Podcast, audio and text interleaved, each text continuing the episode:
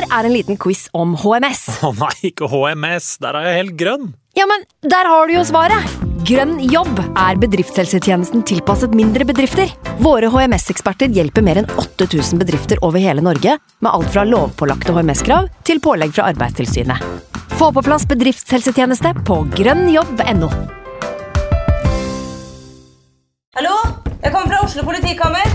Ine Jansen er purk. Er du purk? The motherfucking bitch. Alt jeg vil, er å finne ut hva som skjedde med mannen min. Jon Carew. Er jeg sikta for noe? Iben Akeli. Det er du. Ole So, Lars Berrum og Big Daddy Karsten. Hvem sin side er du på, egentlig? Anette Hoff, Tone Danielsen, Kommer du fra Afrika? Jørnis Josef, Nesten. Kløfta. Trond Espen Seim, Det er synd å si det, men det var feil mann som døde. Purk.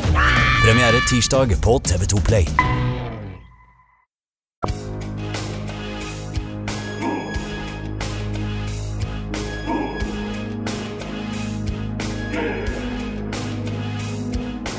60 in the Put 16 in the Put 60 in there.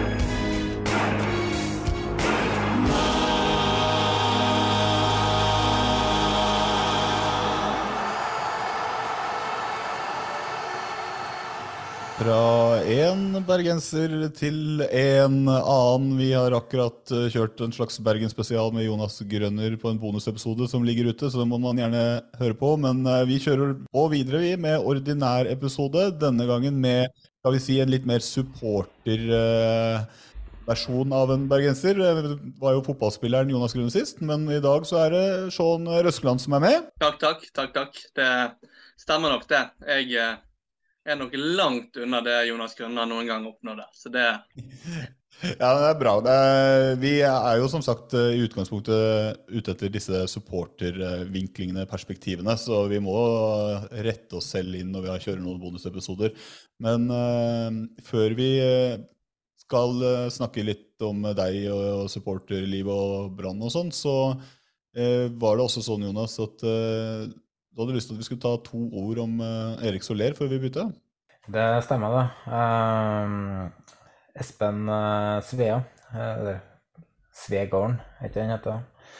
Bedre kjent som Svea, kom ut med en artikkel i går på VG om Erik Soler. For Erik Soler stilte opp i Eurosport-studio i 2020, tror jeg det var, hvis ikke det var 21. ehm, hvor han times tid ute i programmet begynte å snøvle litt og ikke var seg sjøl. Og eh, det begynte å gå rykter om at han var full på jobb osv. Og, så videre, og så forsvant han egentlig fra mediesirkuset etterpå. Det har vært veldig lite skrevet om eh, Soler, som har vært eh, en kjent skikkelse i eh, Fotball-Norge i eh, mange tiår. Eh, Men i går så kom det en artikkel der han åpna seg opp om en eh, PLS-diagnose som han har fått. En veldig uvanlig eh, sykdom. Veldig trist lesing, men òg en fin artikkel. Så jeg vil rett og slett bare nevne han. Soler er jo en, på mange måter en legende i norsk fotball, med, hvor han var en stor fotballspiller med nesten 40 landslagskamper. Eh, proff i Tyskland og Danmark. Vært agent.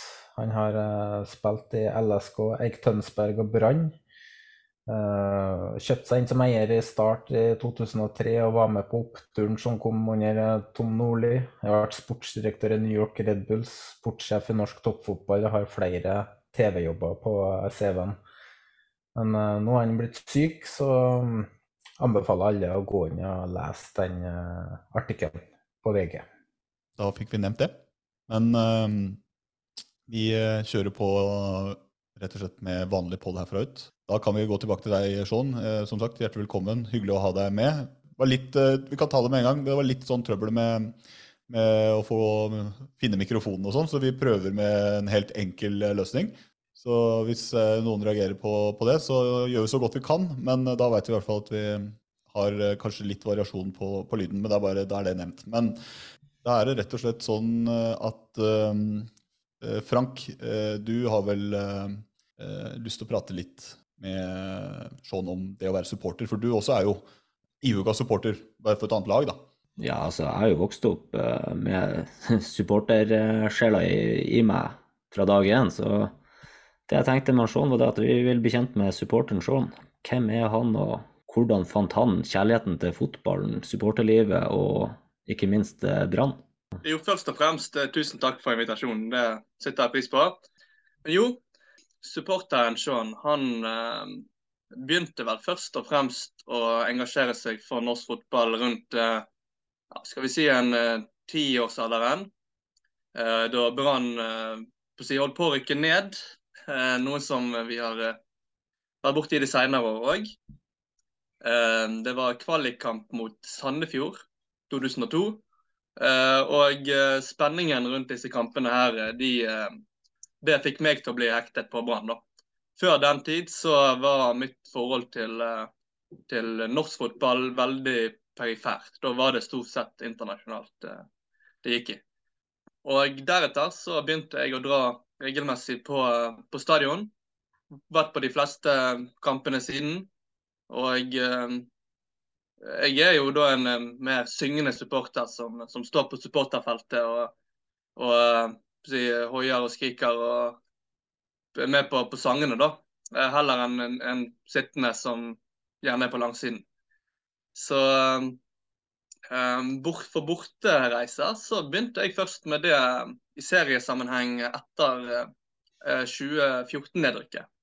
Uh, da Nordling hadde trent oss ned til førstedivisjon, da begynte jeg å reise litt på bortekamper. Det var litt sånn, litt sånn samling i bånn, være med i motgang og ja, vise at her skal vi stå sammen, hele, hele klubben og alle som bryr seg om klubben, for å, for å hjelpe Brann opp igjen så har det ballet på seg og blir flere og flere kamper for hvert år som går. Og nå er vi her i dag og klar for mange kamper i år. Ja, Det er nydelig. Jeg er jo òg veldig glad i å reise på, på borteturer. Det er noe av det jeg syns er gøyest med fotballen, rett og slett. Å dra med likesinnede på, på turer. Så, men eh, du nevnte rundt 2002, da. Eh, ja. På en måte da du virkelig eh, fant gnisten i det Ja. Og du nevnte også at det var en kvalikkamp og et nærstående nedrykk som dere berga plassen da. Ja. Men eh, det gikk, ikke, gikk jo ikke mange årene før dere begynte å oppleve skikkelig suksess, da. Ja, da um, På den tiden der så kom um, den godeste Mons Ivar Mjelde inn som trener etter dette. Og vi hadde jo da Springer Ludvigsen som, som sportslig leder i Brann på den tiden. Og det var eh, både fra næringsliv, investorer eh, og til og med og, eh, supporterinvestorer som, som, ønsket å bygge Brann til å bli eh, et storklubb. Eh, vi hadde jo cupgull i 2004 uh, mot Lyn. Da den klassikeren 20 000 tomme seter ble skrevet av Klovner i kamp. Det er en god sang, da. Eh, ja, den, den er flott, eh, flott sang, det. Eh, og så kom Fikk vi da Martin Andresen Det var jo mange, mange millioner man måtte ut med. Og mange profilerte spillere. Hentet, uh, hentet Torstein Helstad tilbake etter en litt uh, ja, Man hadde mislykket opphold i, i Rosenborg. I hvert fall ikke vellykket. Ikke vellykket, i alle fall. Nei, Han var ikke like god i Rosenborg som i Brann, men han var, gjorde sakene sine godt. Han, altså, han eh, minnes han skåra noen mål i Champions League, og, men uh, var jo kanskje ikke en 4-3-3-spiss. Nei. og eh, man hentet jo òg eh, andre spillere fra, fra, Trøndelag, eller ikke fra Trøndelag, men som spilte i Rosenborg, i Solli. man hentet Mjøsas Beckham i Vågan Moen. mange profilerte spillere som, som var gjerne i vannskorpen til å være med på landslaget. Så uh, kulminerte jo dette med et uh, seriegull i 2007. Siden har det gått nedover. ja, det, var et eh, godt lag dere hadde i 2007. Så jeg regner med at en uh, ung supporter, hva du blir i 2007, det er rundt 15 år pluss minus? Ja, 14. Stemmer det. Ja, så da regner jeg med at det ble Selv om det kanskje var brus det ble feira med, så var det gøy å være med på hele den reisa der. Ja, absolutt. Det, det, det var nok brus det gikk i da. Men jeg, jeg har nå fremdeles som en slags hva skal man kalle det, klenodium, en sånn eh, eksemplar av den gullølen. Den ene gangen vi faktisk fikk eh, bruk for den. Han ikke ble produsert eh, til andre lag. Jeg skal skyte inn at jeg har drukket gulløl fra Bergen to ganger, som ikke var til dere. Men uh, hva, hva, gikk, gjennom huet ditt når Erik Huseklepp satt den i stolpen mot Ålesund? Uh, ja, det er jo litt sånn veldig blandede følelser. For det at på den tiden der, så som 13-åring og når man ikke har opplevd den store motgangen, så er man jo gjerne naiv. Så jeg så jo for meg at dette kommer jo til å gå likevel. Um, og, men, men, akkurat i øyeblikket der, så, så var det sånn skikkelig Skikkelig forferdelig, egentlig. Det, men så endte jo det godt samtidig så var det litt sånn at OK, det, det er mye kjekkere å avgjøre det på hjemmebane foran alle fansen. Og så ble jo ikke det det heller.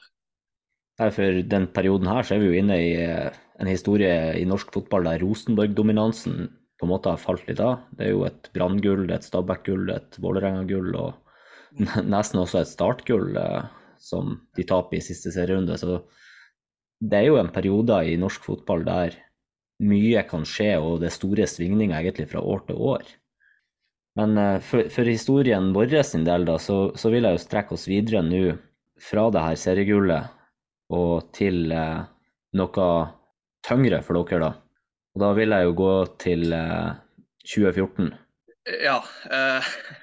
det var jo en, en, en ja, hardeste sesongen for min del som Brann-supporter. Det var stor entusiasme da Brann hentet eh, profilerte treneren fra Sverige, Rikard Norling, eh, som hadde gjort det bra der.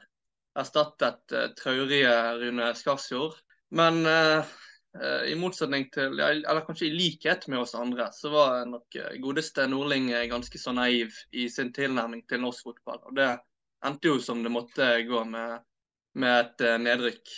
Og ja, det, på den tiden der, da, da, trodde man jo at ikke at det var mulig at en klubb som Brann skulle klare å rykke ned. Men, eh, men det, det, skjedde jo, da. Og det, det, var blytungt. Det er noe av det jeg husker norske medier og eksperter og alle sa gang på gang på gang, runde etter runde etter runde. Det var det her brannlaget er for godt å rykke ned. Det kan ikke rykke ned. Og så så det bare mørkere og mørkere og mørkere ut for hver runde som gikk. Ja.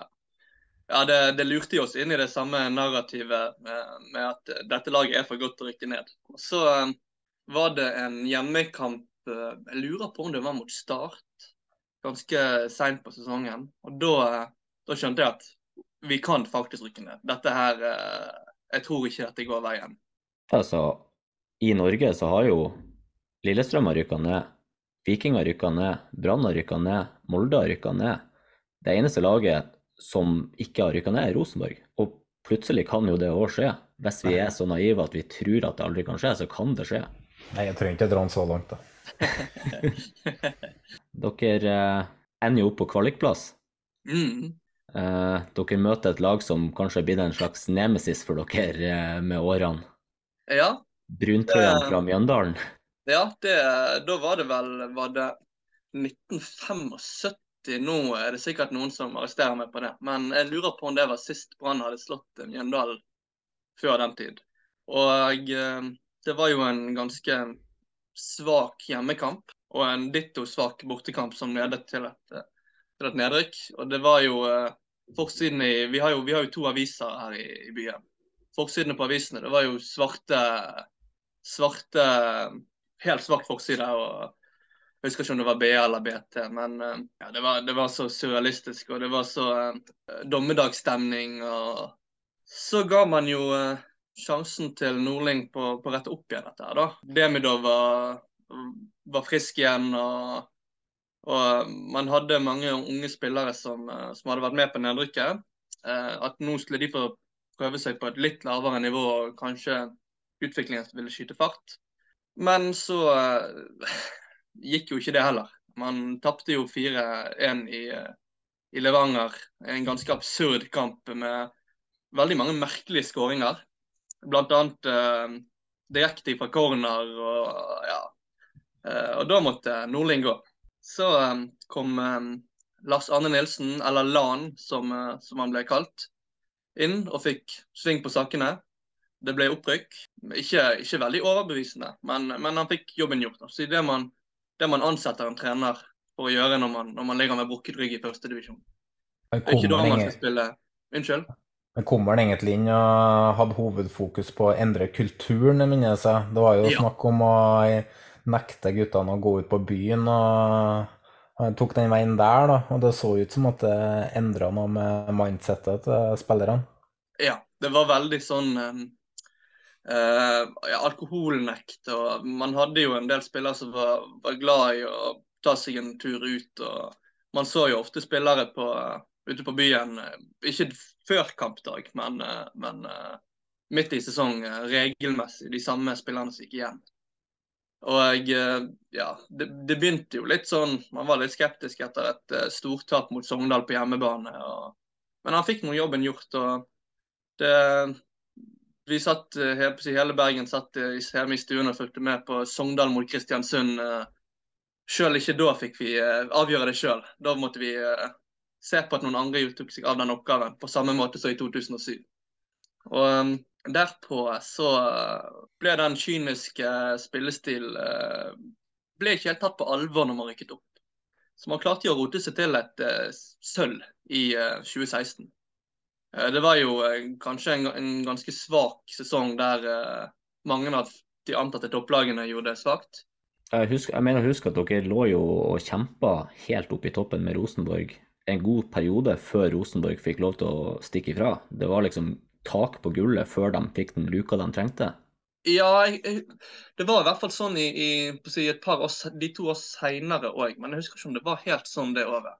Det, det 2016 minnes jeg. 2016 så vant Rosenborg eh, serien ganske tidlig, som jeg husker Ja. det, men året etter så var det mye mer eh, kniving. Eh, Ja, kanskje, kanskje jeg blanda på årene, men jeg, dere tar jo en andreplass, en femteplass og en tredjeplass de tre årene etter opprykket, og dere har jo befestet dere som en Mm. Kall det en eh, I hvert fall en medaljeutfordrer, da. Dere har jo to medaljer på tre år, og dere ser ut som dere er kommet opp for å være med oppe der hele veien. Det er jo litt eh, Gjerne litt den samme eh, situasjonen som etter seriegullet, da. Man hadde mange, mange spillere som, som var litt oppe i årene sånn fotballmessig. Eh, og på, gjerne på utgående kontrakter òg. Så det var jo da man tok seriegull, så mistet man jo halve stammen i laget som Bossmann-spiller. Mens i 2016 så hentet man bevisst inn kontinuitetsbærere. eh, Eller kontinuitetsbærerne de, de dro gjerne gratis, de òg. Og de, de var en del oppe i årene og ble erstattet av andre spillere som var en del oppe i årene. Og da man rykket ned, så hentet man inn noen noe analysebyrå som analyserte hva som hadde gått galt. Og Da var det jo eh, Sammensetningen av stallen kom jo frem til at det var helt, eh, helt eh, uoptimal. Man hadde mange spillere som, eh, som var på eh, siste fase av karrieren, og veldig mange som var i første fase av karrieren. Under Lars Arne Nilsen så ble de yngste skrellet vekk, og man eh, hentet i stor grad eh, bare spillere som enten var etablerte eller på slutten av karrieren. Typ sånn Vadim Demidov, Vito Formgård, spillere av den, av den typen.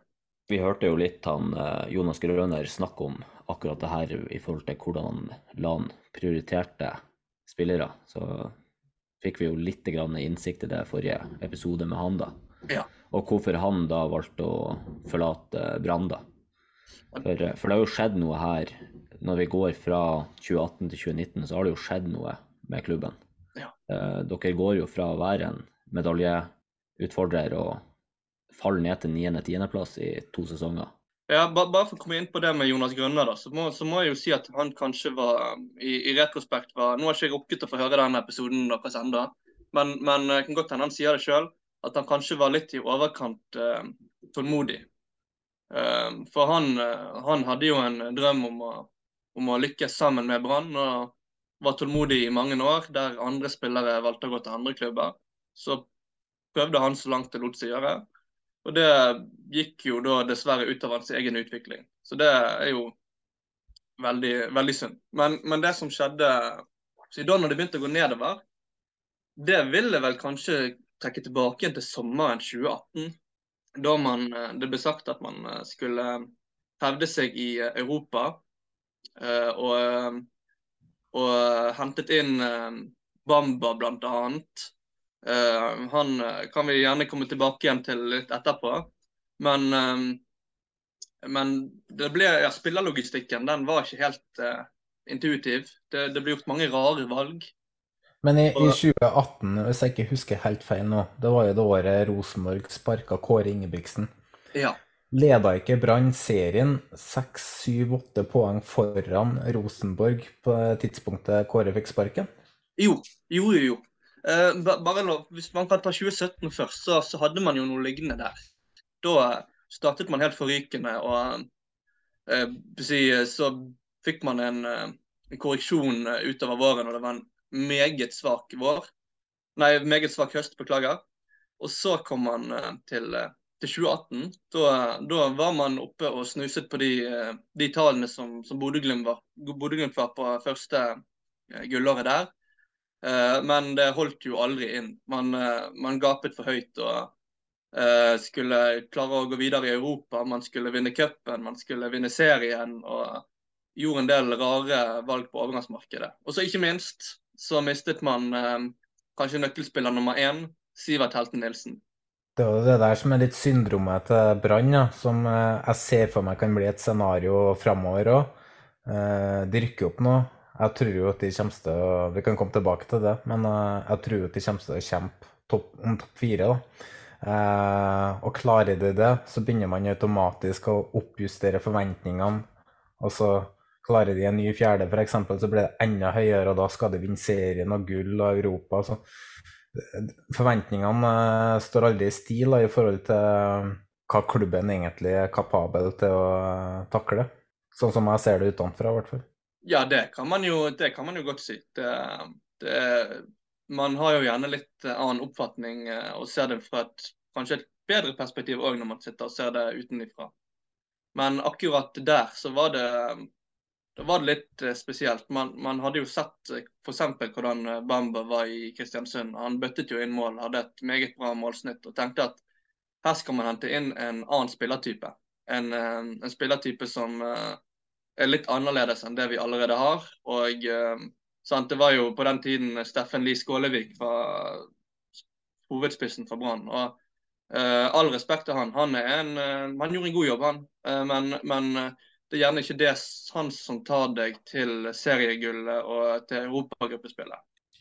Jeg tenkte bare jeg skulle Jeg, jeg fikk en sånn tanke over meg når Jonas snakka om dette forventninger. Fordi eh, Vålerenga og, og Brann er jo på mange måter eh, i en litt sånn lik situasjon. Det er klubber i Norges eh, to største byer.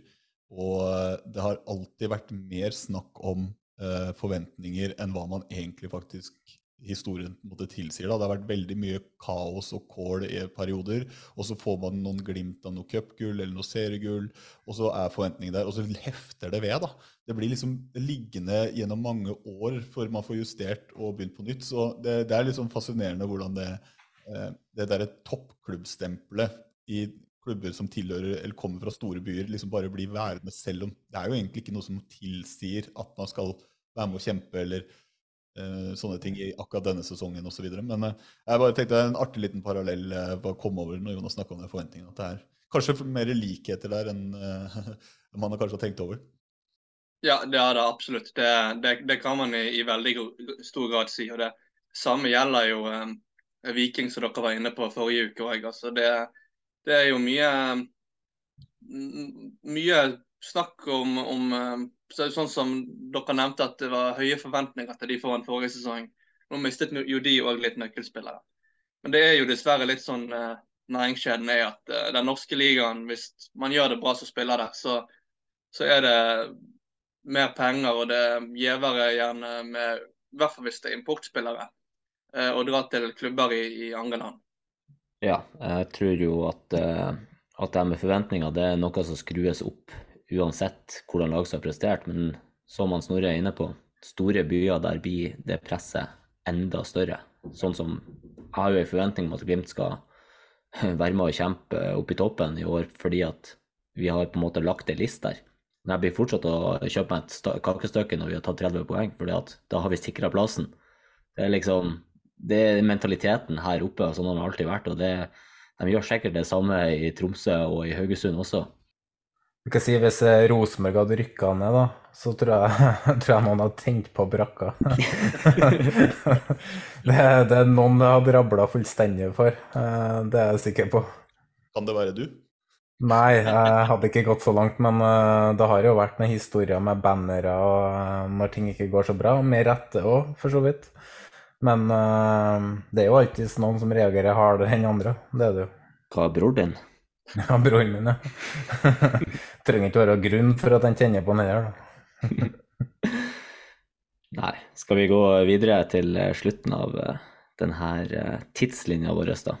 For du nevnte det at eh, nedrykket i 2014 var det tøffeste året ditt som supporter, men 2021 må jo ha vært kaos. Ja, det var eh, ganske kaotisk, det òg. Men det var jo noe spesielt med den 2014. Det var jo For det første her, så var det første gang, første gang i min levetid. Det var um, veldig veldig lenge siden det hadde skjedd. Det var ganske mange som aldri hadde opplevd et nedrykk før. Men um, 2021, da Ja, det, kaos er egentlig ganske bra ord for å beskrive det. Man startet jo med å um, møte veldig mange av de lagene som var forventet å kjempe i toppen. Eh, ikke at det er noe unnskyldning i seg sjøl, men fotball handler jo veldig stor grad om sjøltillit. Og når man møter eh, veldig mange gode lag, så, eh, og man sjøl ikke er så god, så blir det fort litt eh, få poeng. Og det var jo akkurat det som skjedde. Brann sto med null poeng etter seks kamper. Det var jo, det var jo koronastart òg, det der. Eh, Ja, ja, ja, hadde ja. Brann sånn tre spilte kamper når andre hadde syv-åtte, eller noe sånt. Eller nei, Brann hadde spilt flest kamper, de, og lå Ja, på ja, sisteplass. sant. Det Og var sånn det var. Og likevel så lå man i bunnen. For det, det var jo sånn Om Ikke det var geografisk oppdelte soner, men klubbene var delt opp i litt ulike bolker. Der de spilte mot hverandre. Nordnorske lag, midtnorske lag og Vestlandet møttes, mens Østlandet møttes. Ja. Så Brann hadde jo da Bodø-Glimt, eh, Molde, Rosenborg og Viking sant, på, på løp. Og jeg lurer på om Vålerengen var med inni der òg, faktisk. Men i hvert fall da mange, mange antatte topplag på, på løpende bånd. Og Det ble det jo ikke poeng av. Eh, og da hadde man jo allerede startet eh, man, man lå litt bak da, kan du si. Så eh, eh, fikk jo Kåre Ingebrigtsen lov til å fortsette en periode til. Før man, eh, når det kom eh, en sommerpause der det var et par cuprunder og noe ja, sommerferie i hvert fall, da fant man ut at nå må man gjøre noe. Og et, da- spørs jeg et ja. spørsmål inni der, for Kåre Ingebrigtsen kom jo til Brann. Og noe av det første han snakka om eh, Han sa ikke at han skulle ta gull, men han nevnte ordet gull. Eh, det kan ikke si til en bergenser. Og Nei, han- de, de, de fleste Jeg begynner å produsere øl med en gang, vet du, det er ikke bra, det der. Men, men eh, så husker jeg før den sesongen eh, hvor de rykka ned, da. Så han fikk jo ikke forsterka noen ting. De drev og jakta midtstoppere. Det var ingenting de kunne hente. De hadde ikke penger å bruke. Endte opp med Vegard Forren og så lånespillere. Og de endte opp med den gamle Bodø-Glimt-stopperen, eh, gjorde ikke han eh, som eh, Vieux Sané. ja, altså, og hva var det som gjorde at det var ikke penger? Eller var det mangel på Hvor ble det av pengene? Da må vi, eh, da må vi eh, litt tilbake i tid. Det var jo nemlig sånn at etter 2019-sesongen så hadde jo det gått ganske mye nedover med Brann under Lars Arne Nilsen. Eh, Og da eh, var det veldig mange som tok til orde for at han eh, ikke skulle få lov til å fortsette. Og det var et um, styremøte der, um, der uh, daglig leder og sportslig leder ble konsultert. Uh, og da hadde visst at Arne Nilsen solgt seg sjøl så godt inn, sånn som det ble fremstilt i alle fall, at um, han fikk lov til å fortsette. Det ble nesten, han, han var jo på kontrakt, men det ble nesten fremstilt som en forlenging, selv om han var under kontrakt. Uh, og um, i forlengelsen av det så ble det jo fremdeles svake resultater. Um, han fikk sparken. eh, Kåre Ingebrigtsen kom inn, og i den første høsten, den, eh, den gikk nå helt greit. Sant? Da måtte man, eh, man hentet inn eh, Mathias Rasmussen og Sander Svendsen på lån. og litt sånn ikke De Laveris kom vel da. Eh, ikke akkurat noen som gjorde seg veldig bemerket den høsten. Men, men det var jo en sesong som begynte vel i juni pga. korona og tett kampprogram. Det er vanskelig å få spillere inn i rytmen. Eh, men da neste sesong kom, eh, så fikk eh, sportssjef Rune Soltvedt eh, sparken. og Brann sto da uten sportssjef en, ganske god stund. Om det da var Kåre Ingebrigtsen eller Vibeke Johannessen, daværende daglig leder, som tok seg av mesteparten av, av spillerlogistikken, det, de hadde sikkert sine roller, begge to. Men eh, det ble gjort noen rare signeringer. da. Man, man fikk hentet, eh, hentet som nevnt via Sané uten å, uten å ha gjennomført medisinsk test på han. Så han kom jo uten å være litt form en gang, til Bergen. Hentet fra Senegal. Gammel kjenning av Kåre. Uh, han hadde han vel i Ostende òg, hvis ikke jeg husker helt feil. Um, og så hentet man um, Lars Gerson, som spilte på nivå tre i Spania på den tiden. Han fikk vel elleve minutter for Brann, så ble han skadet på ny. Heller ingen medisinstest. Så det var um, preget av veldig mye rar spillerlogistikk den vinteren der. Så ja. Det, det, kostet jo da Kåre jobben. Da kommer jo, jo da Horneland tar over. Ja. Og på en måte Han starta vel med var det én seier, og så gikk det litt sånn skeis igjen. Men det var jo litt sånn synonymt med sesongen deres. Men så skjer det jo noe uh, ganske sånn spesielt på stadion uh, en kveld. Ja. Hvordan reagerer du som supporter, og hvordan reagerte supportermiljøet der? Og jeg husker jo bare, Mitt inntrykk av han Horneland var jo det at de for mannene Horneland er som står så rakrygga og kan snakke så, svare så godt for seg, da. Men det er klart, det er jo en hva skal man kalle det, det er jo en bare surrealistisk historie å stå og høre på hva som har skjedd der. Ja, eh, han eh, fikk jo en ganske hard start som, eh, som hovedtrener. Han, eh, han, jo, han, var jo allerede inne som assistenttrener. Ble hentet høsten før under Kåre Ingebrigtsen. Eh, så, så, han hadde jo vært med på, på våren og de svake resultatene, da, men, men, nå fikk han hovedansvar alene. Og så var det da etter en treningskamp eh, mot Fyllingsdalen. Uh, spillerne Det var hentet en del nye spillere som skulle innvies. og de var ute og spiste sammen og gikk på en bar, og så langt høres det jo greit ut. Helt til de finner ut at det er en god idé å ha et uh, nachspiel inne på Brann stadion. Ja, hva tenker man da? Det første man tenker, er jo at uh, OK, um, hva er dette her? Hvor, hvor, gale kan det være? Uh, de hadde noe treningsfri dagen etterpå, så det er noe greit. Uh, men nachspiel inne på stadion, det, det, er sånn Skal man ta seg en fest og drøye litt, så klarer man å ta det i egen stue. Men så kom det jo frem flere og flere opplysninger her. Um, om hvor mange som var med. Det var snakk om uh, rykter om overgrep. og det, den ble noe, Der skal nå riktignok sies at uh, spilleren som ble siktet, ble da saken ble henlagt. og det var snakk om diverse andre ting som hendte der, som, som man ja, det, skal ikke gjengi alle ryktene, det blir litt feil mot de som har vært involvert. Men uh, ja, og en del ungpiker og ja, piker, vin og sang. Og det var jo Man, man sto jo bare og tenkte Hva er dette? Hva, hva er det som skjer? I den situasjonen man er i, etter denne svake starten Man ligger desidert på bunn, og så skjer dette. Det var ganske nedbrutt stemning. Den daværende nyansatte sportslige lederen, Jimmy Nagel Jacobsen, kom jo rett inn i dette. Han hadde jo knapt landet i Bergen da dette skjedde. Så uh, han ble naturligvis ikke så veldig involvert i det. Det er noe greit. Han kan jo unnskyldes det. Men måten både daglig leder og styreleder uh, så til de grader uh, gjemte seg, det var det som nesten var, var det verste i håndteringen av det. Og som du sier, så Horneland han viste seg virkelig som en man vil gå i krigen med. Han sto frem og la seg fullstendig flat. Svarte på alle spørsmål. Og eh, til tross for at han hadde vært med på, på våren som assistent, så så, så man på en, på en helt annen måte. Man tenkte at denne mannen skal man gi en sjanse utover. For det går så det går. Jeg kjente jo hun, Hjem Horneland veldig godt fra Rosenborg-tida.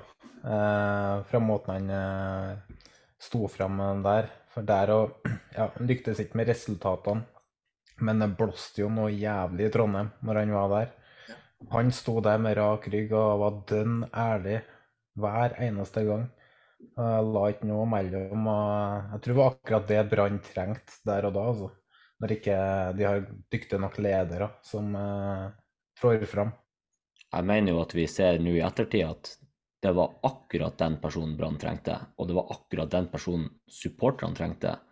Fordi at Nå er vi ikke helt ferdig med 2021, eh, men det vi ser, er jo det engasjementet de dro med seg inn i 2022. Den lysten til å være med og hjelpe laget sitt igjen som supporter. Eh, Den motiveringa og det de leverer i Obos i 2022, har ingen andre norske lag gjort noensinne.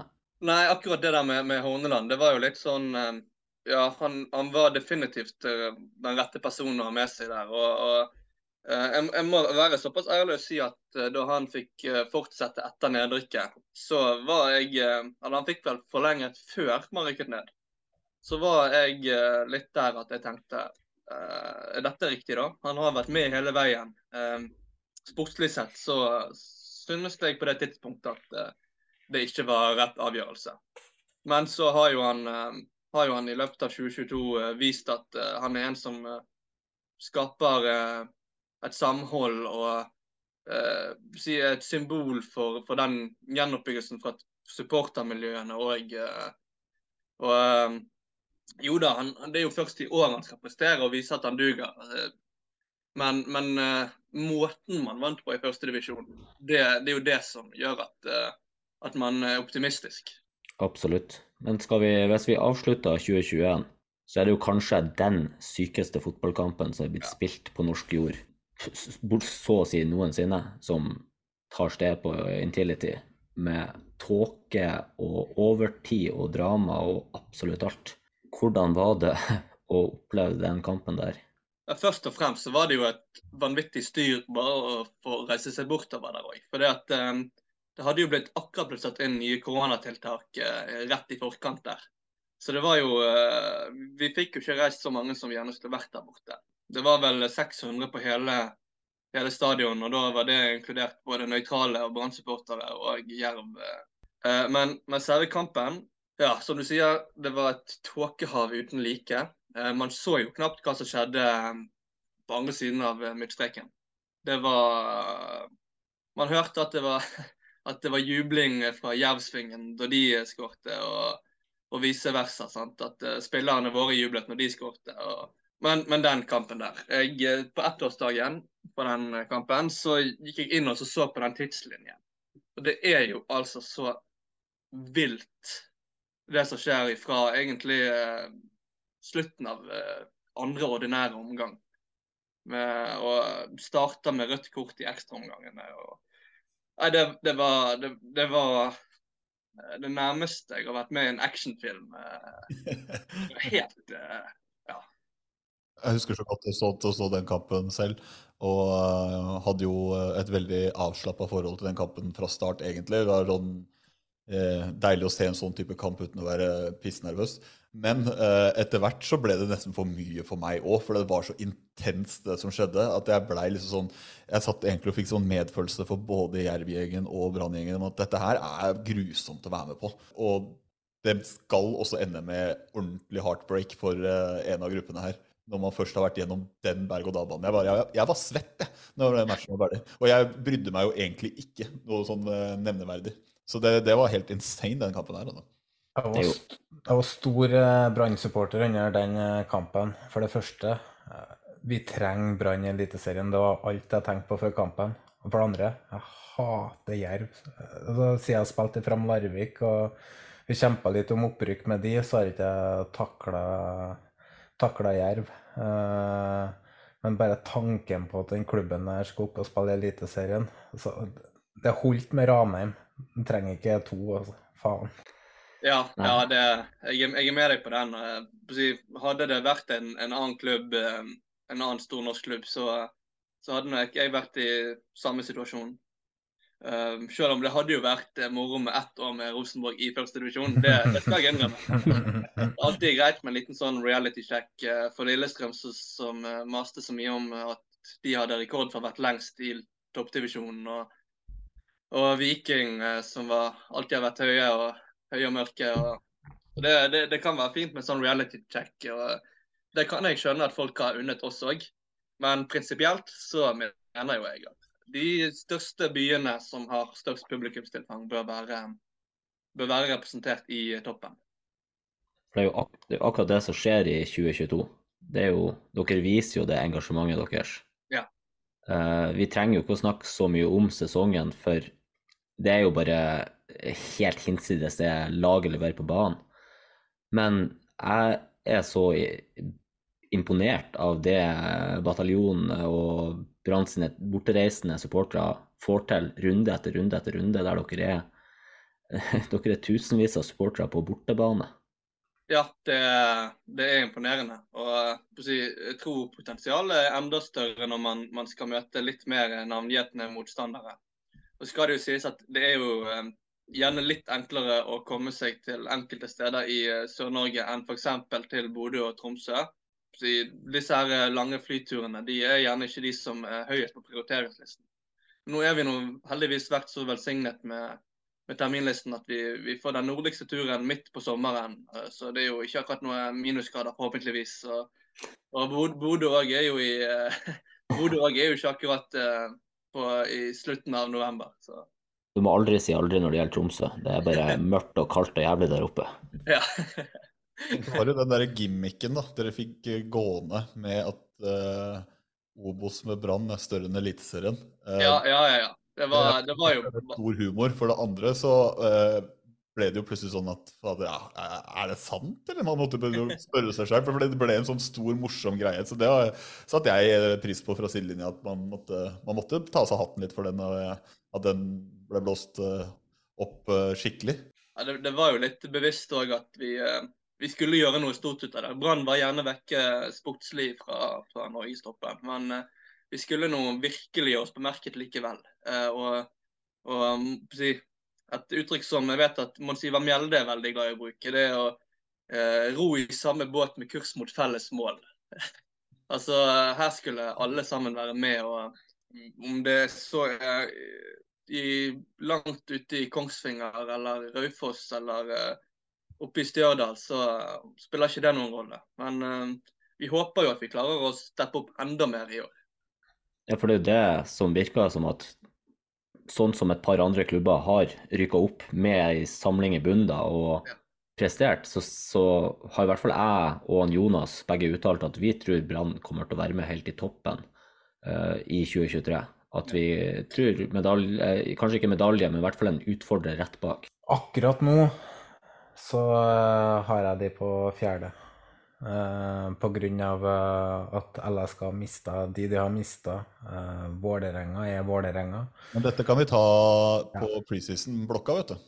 Mm. Dette er godt stoff å få inn der. når vi kan få, kanskje vi får, noe, får noen detaljer som kan være med å vippe Brann opp eller ned. Du kan jo tenke litt over hvor du har lyst til å vippe Brann på preseason-blokka. Sånn. Ja. Men uh, det, det kommer vi tilbake til. Så Frank, har, var det noe mer på agendaen din? Nei, nå eh, Tanken min var egentlig bare å så eh, ønske dem lykke til med 2023. Det virker som at optimismen og forventningene og laget og alt det Det er mye godt som skjer i Bergen, eh, rett og slett. Så jeg gleder meg til å se hva Brann kan vise frem i 2023.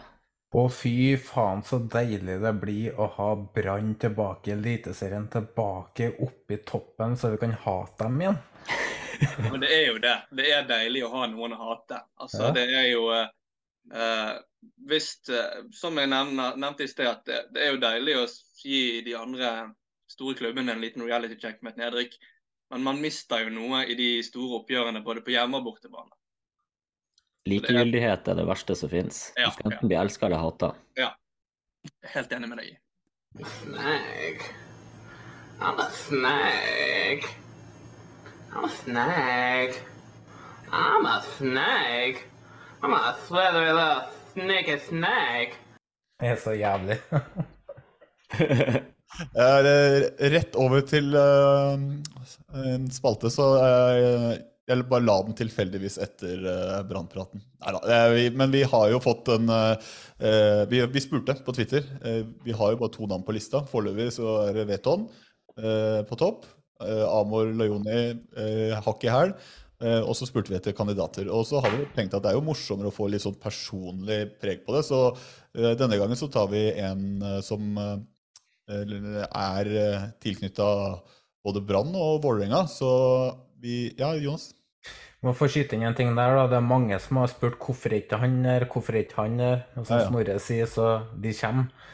Eh, men ja. Vi, vi trodde jo faen hvor mange slanger er det å ta i her nå? Men etter å ha fått alle tipsene på Twitter, den spalten her kommer til å gå lenge. Ja, det kommer til å leve, og så blir det det, blir det bare Det blir jo bare produsert flere og flere slanger, vet du, sånn som eh, fotballen er i ferd med å utvikle seg med økonomi og sånn. Så det her kan da bli en evigvarende spalte. Du har 25 spillere i Molde, liksom. Hvor, hvor skal vi begynne? Nei da, men vi, vi skal uh, i, igjen lansere et navn. Uh, snakke litt uh, hvorfor vi lanserer, og så plassere på lista. Så det blir jo pallplass uansett denne gangen, men eh, det gjenstår å se hvor. Så eh, da kan jeg egentlig bare avsløre navnet. Vi har eh, valgt å dra inn navnet Martin Andresen. Og jeg egentlig tenkte bare å kaste ballen over til deg. sånn. Hva trenger vi å vite om Martin Andresen som, som uh, slangepotensialet? Det er jo et uh, litt ikonisk øyeblikk der um, han står eh, Da når gullet endelig er kommet hjem, da, som vi sier, på eh, Festplassen i Bergen og, og sier at uh, nå, uh, dette skal vi gjenta neste år, og to dager seinere så er han klar for Vålerengen. Han var hærfører med stor uh, med H. og um, det diskuteres frem, fremdeles i om, om det var han eller Mons Ivar Mjelde, daværende trener, som var arkitekten bak, bak seriegullet.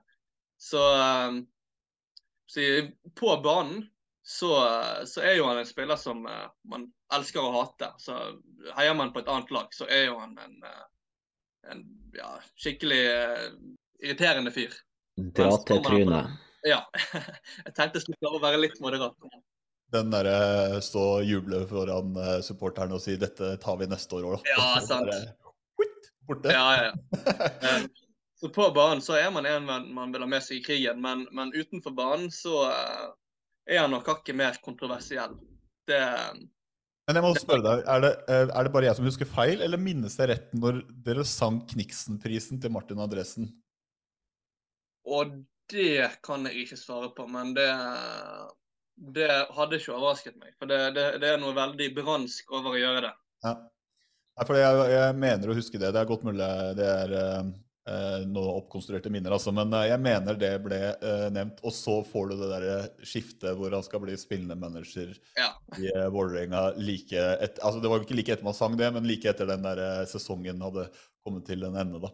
Eh, så jeg ser jo den, den moven i seg selv, det, det byttet, det er, det er slange. Akkurat det. Ja, ja. Så det, det er ikke snakk om at han har gått til, eh, til en utenlandsklubb heller. Det er, det er liksom en av de klubbene man aller helst vil at spillere ikke skal gå til. Da kan jeg skyte inn et spørsmål eh, med samme.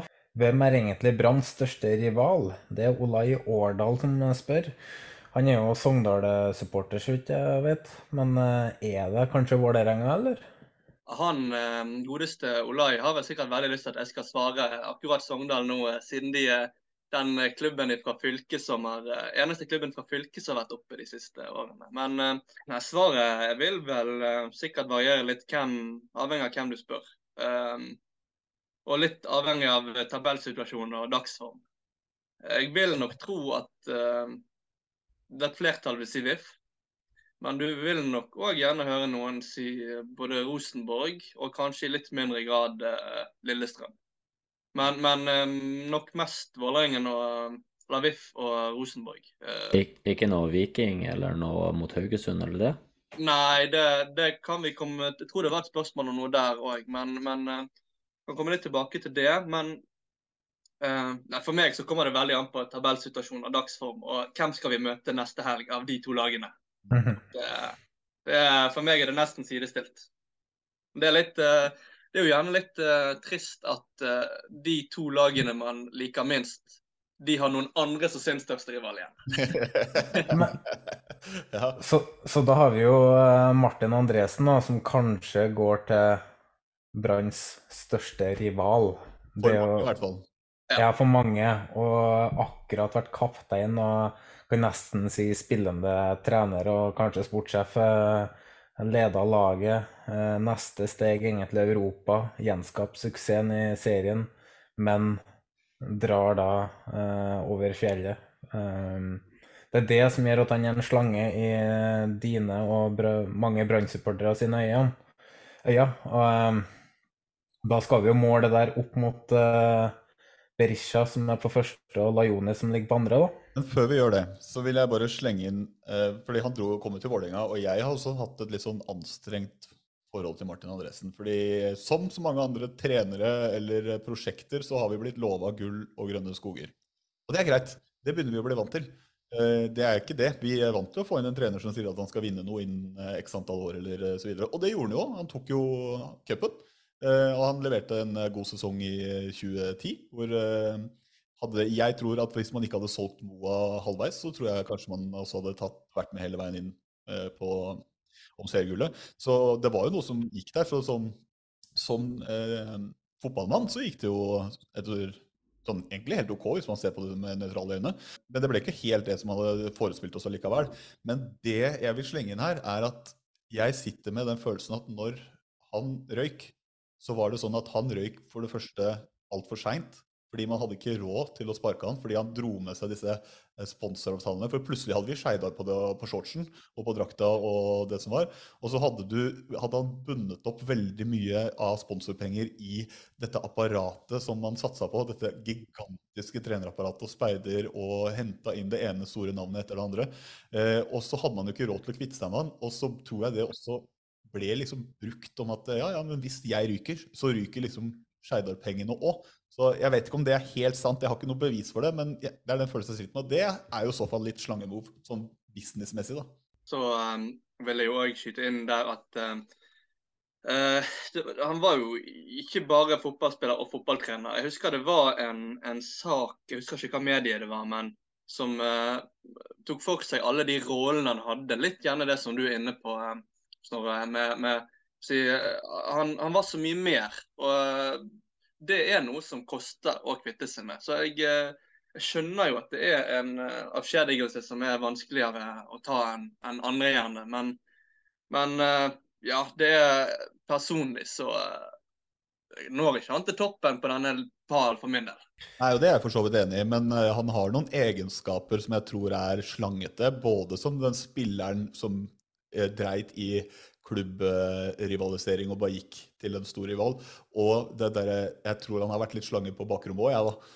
Jeg syns ikke det at han eh, I forhold til det du sier med sponsorer, da. eh, Det, det, der er det klubben som har satt ned foten. Det er de som styrer klubben, ikke Martin Andresen. Så det, selv om han drar med seg sponsorer og sånn, så er det noen andre som tegner de avtalene. Så det må jo de sørge for eh, er i orden. Og så måten han oppførte seg på banen, kjefta på dommer, klaga og søyt hele tida og alt det der. Jeg kjente jo Tom Henning Øvrebø på tida der, og han sa jo at eh, eh, han pleide jo ofte å gå bort og spøke litt med spillerne som uh, gjerne drev og kjefta litt, for å få, uh, for å få de på godfot uh, før kampen. Gikk bort til Steffen Iversen fordi han sutra mye, og Steffen Iversen kom på godfot og kødda tilbake. Gikk bort til Martin Andresen, prøvde å slå han en spøk. Fikk dødens blikk tilbake. Han, han, men det gjør han jo ikke en slange, det gjør han jo til en kynisk jævel, spør du meg. Ikke slange, da. Slange i konseptet her er jo at han faktisk stikker fra Brann og Bergen etter å ha lova andre ting, og så hopper på en annen mulighet. Og eh, jeg tror helt ærlig at han For meg, da, eh, så kommer han på tredjeplass nå. Og for meg så tror jeg han kommer til å være langt ned på lista eh, når vi teller opp om et år, f.eks. Eh, men eh, Eh, Det sier jo litt om Brann, ja. De har kanskje ikke så mange Vi prøvde å foreslå Karadas til dem, men han har kommet tilbake som en helt. Han eh, var vel ikke godt likt i 2000, eh, men eh, der er ting snudd. Uh, ja da, altså Martin Andresen. Jeg uh, blir overrasket hvis han blir å finne i toppen uh, når vi skal telle opp etter året. Men, eh, men eh, jeg satt liksom og tenkte at hvem kan man trekke frem de siste fra min tid, da? Og da, Det var ikke så veldig mange um, jeg, kanskje, jeg kunne nok kanskje tatt frem um, Markus Pedersen eller Aminori, som hadde litt sånne eh, spesielle avskjeder og ja, var ikke så veldig populær um, da de dro, pga. utenomsportslige ting. Trond, eh, Trond Egil Soltvedt var kanskje før din tid? Ja, sant, det var jo før, men det var jo omtrent da jeg gikk i barnehagen. sant, Så det blir litt Jeg må nesten ha opplevd eh, spillerne for å kunne trekke dem inn. eh, Mm. Og vært i samtiden og reagert på det som har skjedd med dem. Men eh, ja, jeg blir overrasket hvis, hvis han blir å finne i toppen. Og når det gjelder Karadas, så har jo han vært i Brann to ganger etter at han, han forlot Brann første gangen. Og han var jo en viktig bidragsyter til å ta gullet hjem. Og han var en viktig bidragsyter til å få oss opp igjen fra førstedivisjon og dette sølvet som vi snakket om. Så han er jo i dag i, i altså Han har jo blitt tre- Brann-trener i ettertid, og for Brann 2. Så, eh, så han er godt likt i Brann. Så Martin Andresen er det beste eh, alternativet du kommer på fra din tid, i hvert fall. Ja, altså, du kan sikkert få noen som vil si noen andre litt uh, andre historier. Sant? Det, det er jo ofte knyttet til spillere som har, har hatt en, en litt uh, spesiell sorti, og der eh, det har båret litt nag da ved, ved avskjeden. Det er ikke så mange forslag som har kommet fra Brann- Brann-fans, så Martin Andresen tror jeg har blitt nevnt to eller tre ganger. Så, Ja. Men det er jo lov å håpe da, at dere kanskje får en skikkelig stor slange. Nei, men ja, ja, eh, ja eh, man, det kunne jo kanskje vært noen, hvis det ikke han hadde kommet tilbake, noen som ville foreslått eh, Sivert Heltene Nilsen. også. Men der har det jo aldri kommet frem hva som faktisk var årsaken, selv om det verserer en del rykter. Jeg er enig da, i Martin Andresen. Han kommer på en tredjeplass på meg også. Og det er jo egentlig fordi akkurat av de tre, hvis jeg skal bare sammenligne det, så er uh, Amor eh, for meg soleklart over. Men jeg ser slangeperspektivet. Og jeg, for meg, når jeg skal vurdere på en liste, så er ikke jeg enig med deg, Jonas. Jeg mener businessmannen som holder eh, litt jerngrep rundt klubben i, som gissel. For meg er det litt slangete, så det, det trekker litt opp. Så hvor han havner på lista, vet jeg ikke. Jeg mener også det at en kynismen skal defineres litt som slangete, så Men uh, igjen, uh, dette er nok en tredjeplass, og det er nesten sånn at vi skulle hatt eh, Lajoni øverst etter siste ukes hendelser. Vi kan jo komme tilbake til det nå. Ja, skal vi ikke bare gå rett til det? For Jonas, du har jo forberedt litt om uh, Lajoni Gate, som uh, er navnet. Tenkte kanskje vi skal oppsummere hva som faktisk har eh, skjedd her. Uh, For det har skjedd mye. Jeg begynte å gå gjennom alle artikler som jeg har skrevet om den saken, etter uh, eh, der jeg lina de opp etter eh, eh, hva skal jeg si, dato, da, eh, når det kom ut. Og begynte å eh, notere ned, og fant ut at eh, det her tar jo halvtime å gå gjennom. Så jeg kutta veldig ned. Men 30. januar så dukka ikke Lajoni opp på trening. Vålerenga hadde nylig avslått et bud fra kypriotiske klubben Pafos, som skal ha vært på tre millioner. Det har jeg fått bekrefta. Eh, Pafos ledes for øvrig av Henning Berg. 2. februar, Dagsavisen melder, eller så har Fagermo gått ut og sagt, det å ikke møte opp på jobb fordi du er misfornøyd med en overgang ikke går i den, må jeg si både er overraskende og uakseptabelt overfor oss som arbeidsgiver. Og så går det fem dager her. Lajoni blir da plutselig klar for australsk fotball. Da går Lajoni ut. Og da går han til angrep på Vålerenga i et nytt intervju med TV 2. Kan ikke ha Fagermo som trener igjen etter den uttalelsen, sier han da. Eh, årsaken eh, til det er at han eh, Årsaken til at han ikke hadde trent, var pga. fødsel. Han hevder at han hadde slått av telefon, og at han hadde sendt melding til Trøim. Det er jo litt snodig, da, å sette seg i bilen og kjøre til Sverige, og så slår det av telefon. Men det er nå meg. I hvert fall når kjerringa di er høygravid, med mulige komplikasjoner. Videre så mener jeg at feiden starta året før, under forhandlinger mellom Glimt og Vålerenga. Han hevda at hans agent sendte brev til Joakim Jønsson og Erik Espen der han forklarte situasjonen med Lajones gravide kone. Der har jeg fått bekrefta at det stemmer. Eh, Joakim Jønsson og Espeseth fikk mail, men de fikk den to dager etter at han ikke møtte opp på trening. Så det er litt snodig. Uh, ifølge Lajone så svarte Vålerenga at det var greit, og at han kunne fri til 7. eller 8. februar med forlengelse dersom barn ikke var født. Uh, Fagermo blir forelagt Lajones påstander. På spørsmål på om de ble informert om situasjonen med kona umiddelbart, svarer han nei, han har ikke informert oss. Agenten har prata med Jokke, vi har ikke fått tak i ham, han svarer ikke når vi tar kontakt. Han har vært tydelig på, til og med i meldinga til eieren i Vålerenga, at han skulle vekk fordi han trodde kontrakten han skulle få, var så sterk.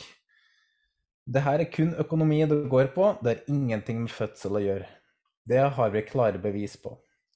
Videre i artikkelen går Fagermo nærmest til angrep på både Lajoni og hans agent, og sier at det neppe er at han havner i Australia framfor en annen Skandinavia pga. hans historie.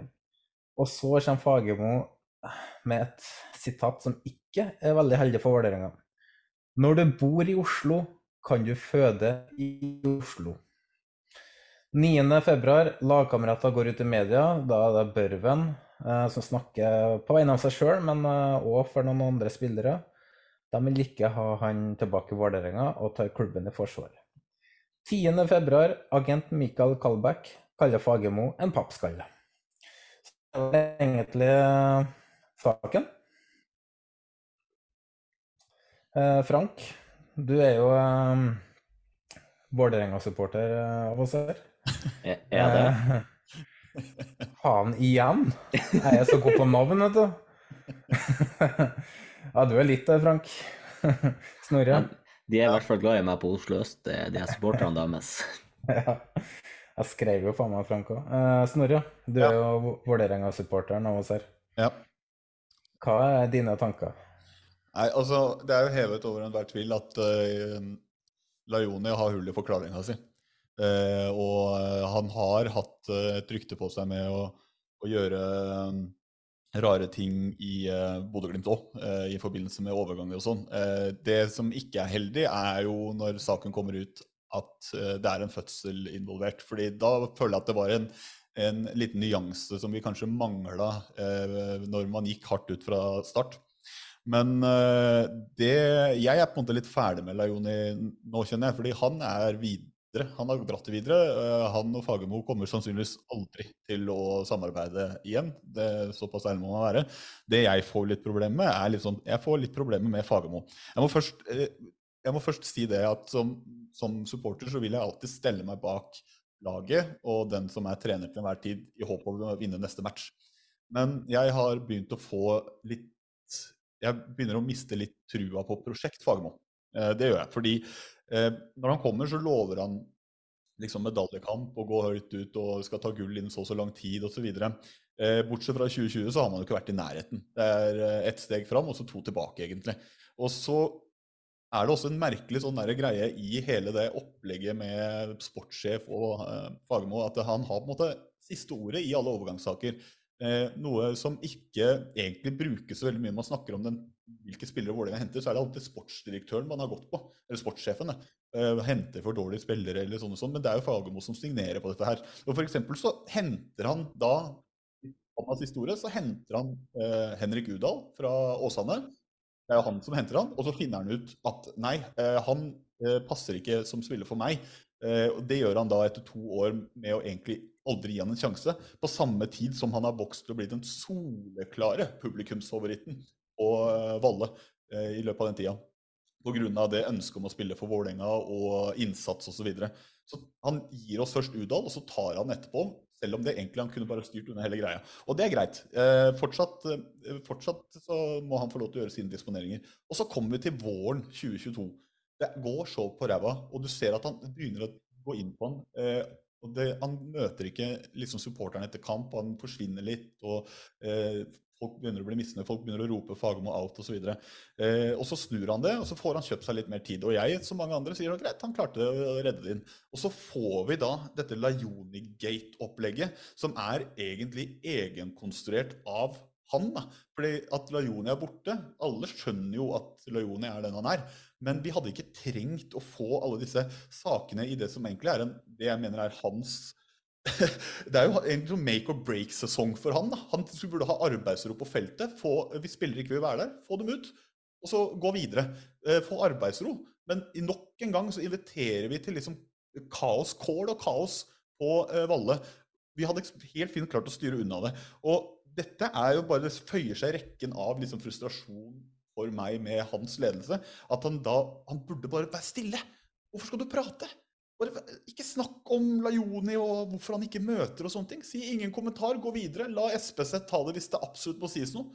Altså, Jeg skjønner ikke. Og så, nei, er det som at Jeg skal gi han en fair sjanse når sesongen kommer, men jeg, akkurat nå så kjenner jeg at uh, han gjør virkelig ikke seg selv eller oss uh, som er glad i Vålerenga, noe tjeneste da, med den Lajoni-kommentaren som han slang der.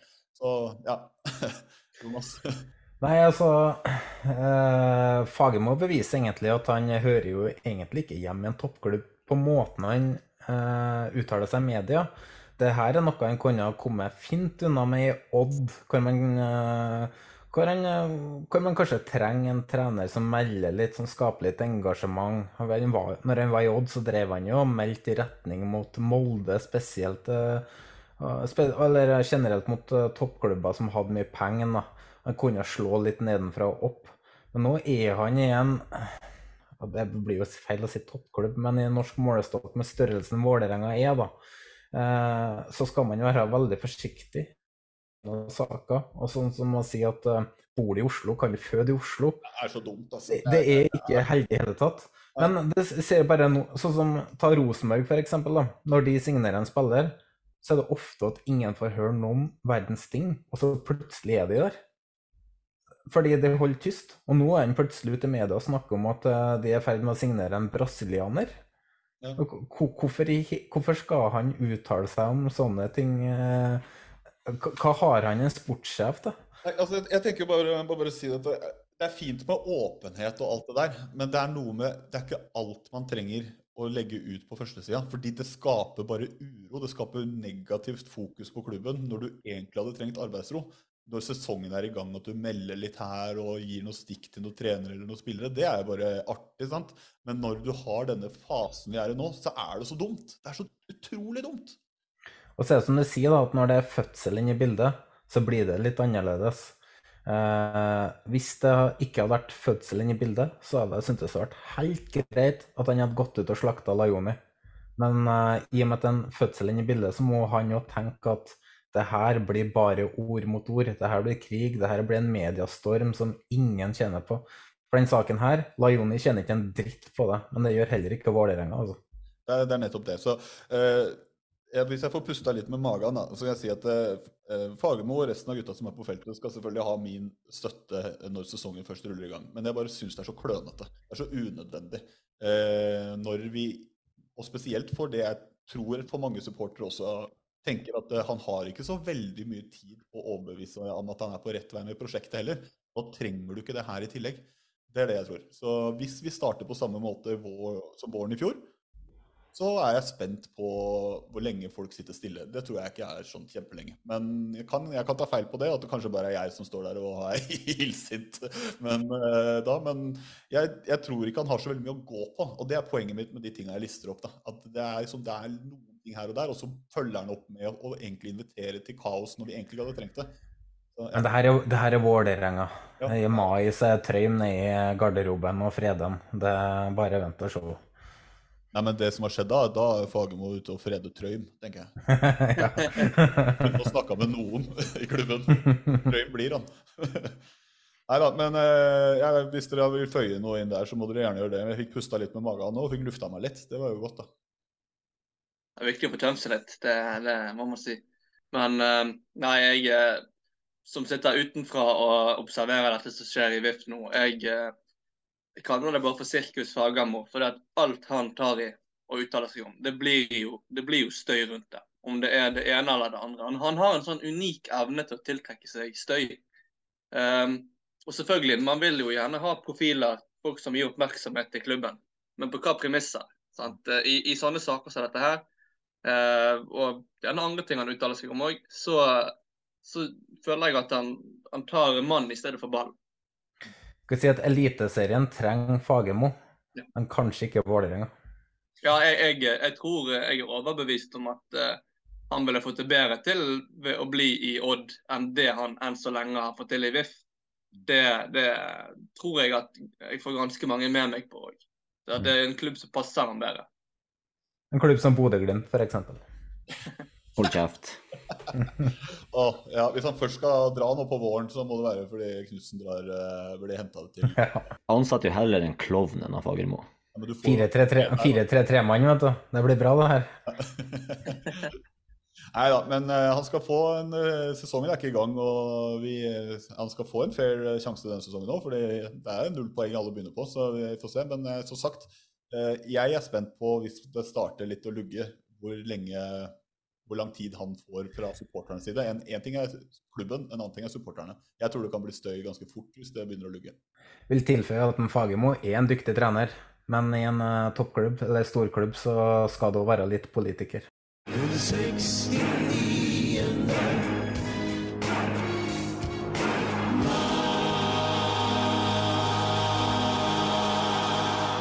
Yes, vi går videre, vi. Og nå har vi fått uh, fått jeg fått roa meg grann, så tenkte jeg at vi egentlig skulle ta opp den tråden som vi snakka om i første episode, egentlig, og var innom så vidt de andre med uh, preseason og preseason-blokka. vurdere litt tingenes tilstand underveis før vi til slutt setter opp et uh, tips.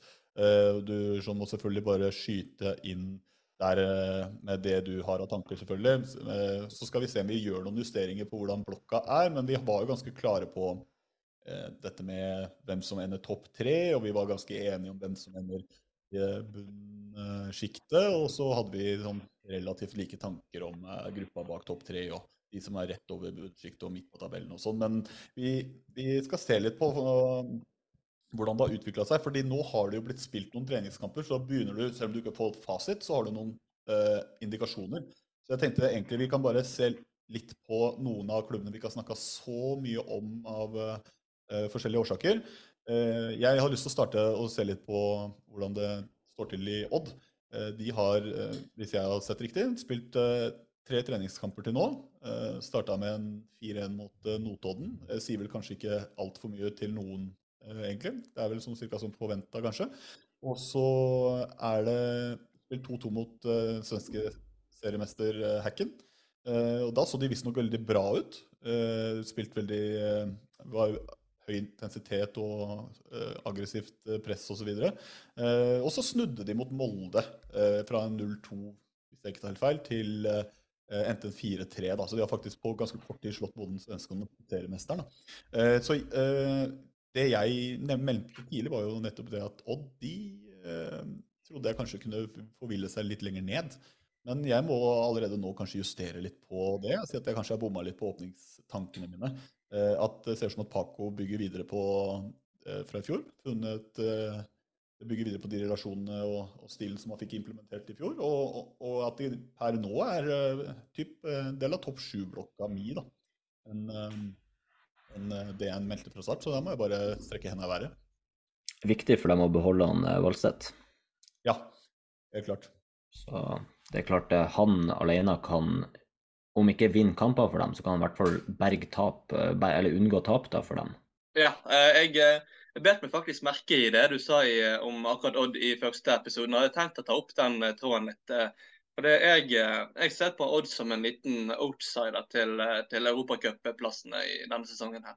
Jeg blir ikke overrasket om de Nå kommer jo, nå har vi sittet vår lit til Glimt da, på hvem som får, hvor mange plasser vi får i Europa. Men, men jeg blir ikke overrasket om Odd blir å finne i den diskusjonen? Nei, ikke jeg heller. og Derfor så må jeg bare si at jeg var kanskje litt tidlig ute. Kanskje gjort litt eh, dårlig research for min del før jeg meldte det, men eh, litt sånn fra hofta må være greit i første episode også, tenker jeg. Så. Det, det er to måneder til seriestart. Kom igjen. Ja, det er det. Den, må, den, det må man tåle. Det er det. Dere har fått inn Håkon Wibelund eh, som assistent, ja, som eh, var i Godset i fjor. Uh, han eh, har jo en del å komme med, vil jeg tro, Uh, som eh, Paco kjenner godt fra før. Men de har litt lite bredde i stallen akkurat uh, nå. Det er veldig mye ungt, så, men uh, det er fortsatt tidlig i februar, så det vil nok foreta seg litt på markedet der, tror jeg. Men jeg har ikke hørt noen spillere som er rykta inn eller uh, noe sånt. da. Så, men det er litt tynt akkurat nå, syns jeg, til at de kan være med helt i toppen.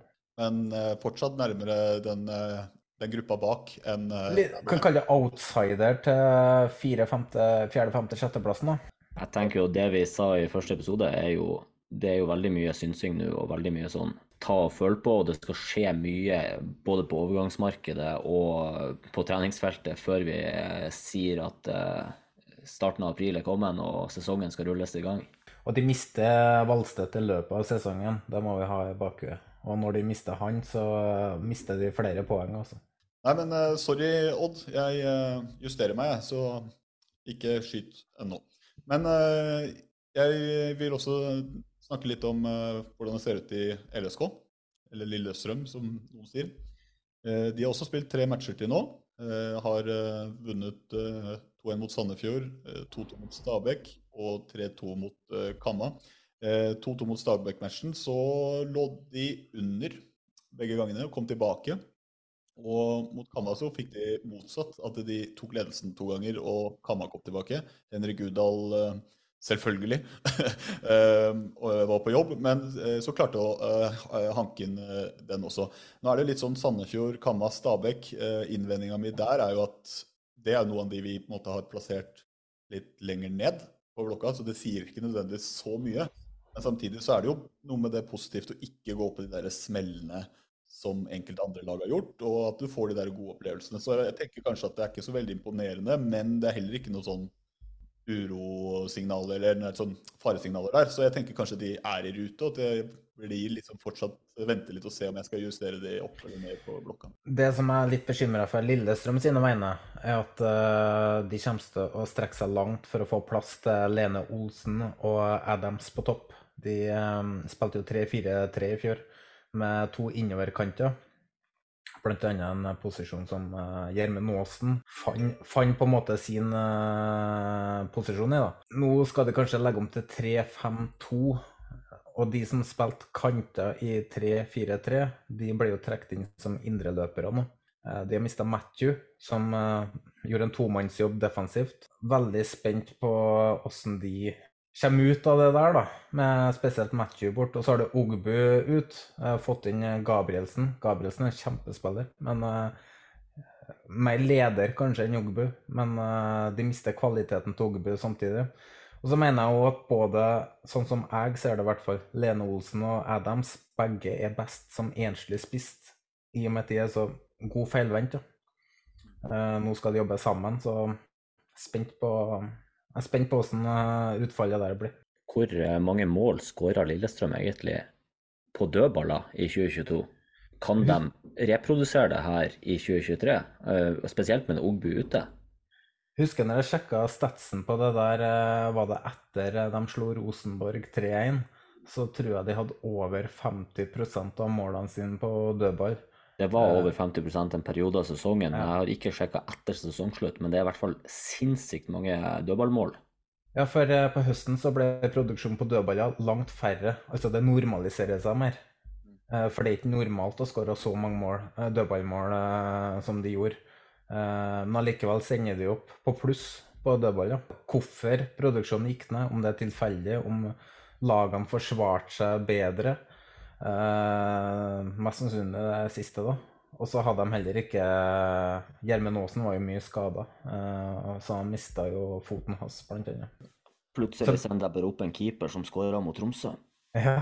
Jeg tenker at det er egentlig litt tidlig å verken sende de eh, altså lenger opp eller ned, eller konkludere 100 at man blir der. For det er som sagt, de tre matchene de har spilt, det er mot lag som kommer til å slite uansett. Eh, Men det er tidlig også, så de skal jo møte andre lag etter hvert. Så jeg tror man, eh, jeg tror man skal ta en liten, eh, et lite steg tilbake og vente litt til før man kanskje gjør en justering. For jeg tror fortsatt de er er det mulig for de å havne i den der eh, topp fire-hulja som vi har nevnt tidligere. Fjerde til sjuende bolken, var ikke det vi så? Ja, men jeg har ikke lyst til å kaste de inn i medaljekampen eller kaste dem ut av syvende bolken heller, sånn, sånn det, basert på det jeg ser nå, da. Jeg snakka med mye, mange Lillestrøm-supportere, og ingen av de har trua på topp tre av de jeg snakka med. Men de håper de kan være med og kjempe om en fjerdeplass og Europa, og kanskje cupen. Du noe føye til, Sean? Om Lillestrøm, eller? Nei, jeg, eh, eh, jeg eh, er jo enig med dette her, men den dødballproduksjonen er veldig vanskelig å opprettholde på samme nivå. Og det, jeg tror nok òg at de vil bli å finne på øvre halvdel med god margin. Men litt vanskelig å si med alle disse med lagene. For jeg tror det, det kommer til å bli tett rundt midten og si, bak topp tre. da. Så Der eh, er jeg enig med dere om hvem jeg har som klare favoritter til topp tre. Kan jo hende at Lillestrøm blir din verste rival i år. Ja, det kan jo hende. Det får vi jo se.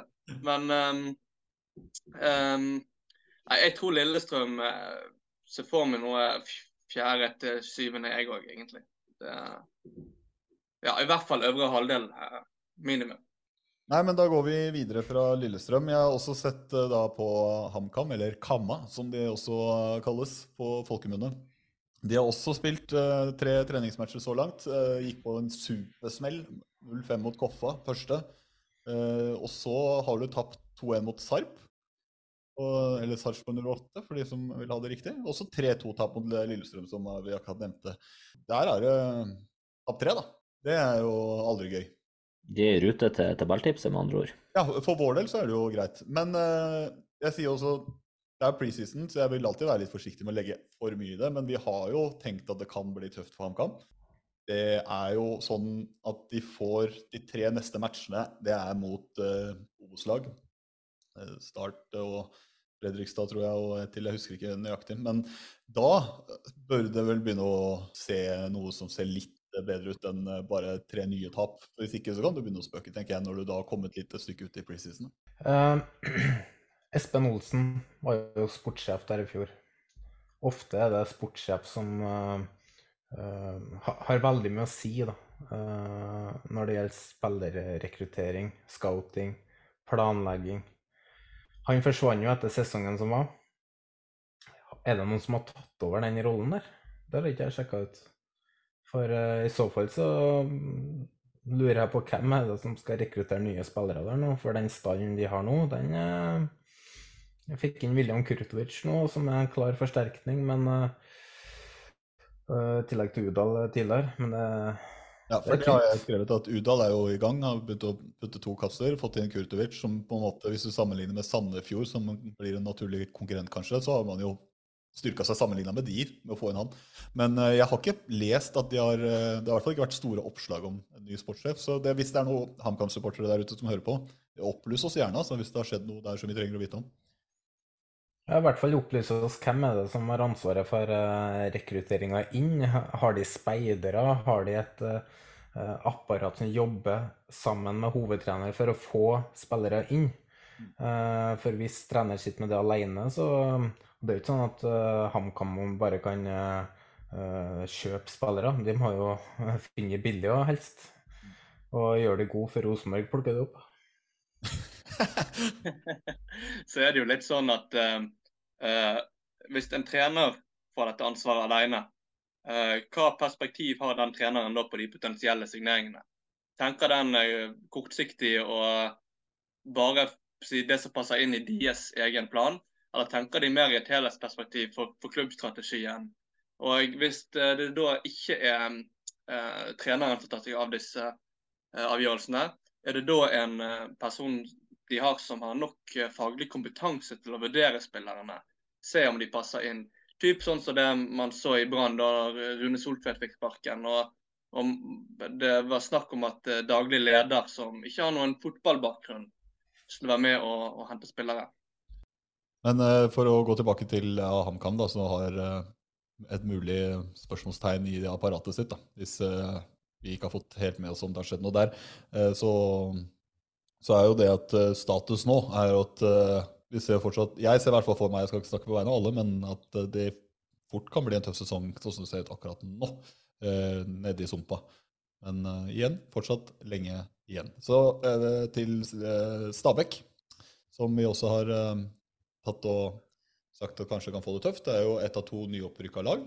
Eh, Vi har jo også sagt at det ene nyopprykka laget, Brann, kommer eh, vi har vi tro på at med god margin skal holde plassen, og kanskje til og med mer til, kommer melder seg på. Så eh, da ser vi heller på Stabæk med sine fire treningsmatcher. med et par seire mot både Bærum og Kjelsås, som er litt som forventa helt i starten, sikkert for å bare få inn noen fine gjennomkjøringer.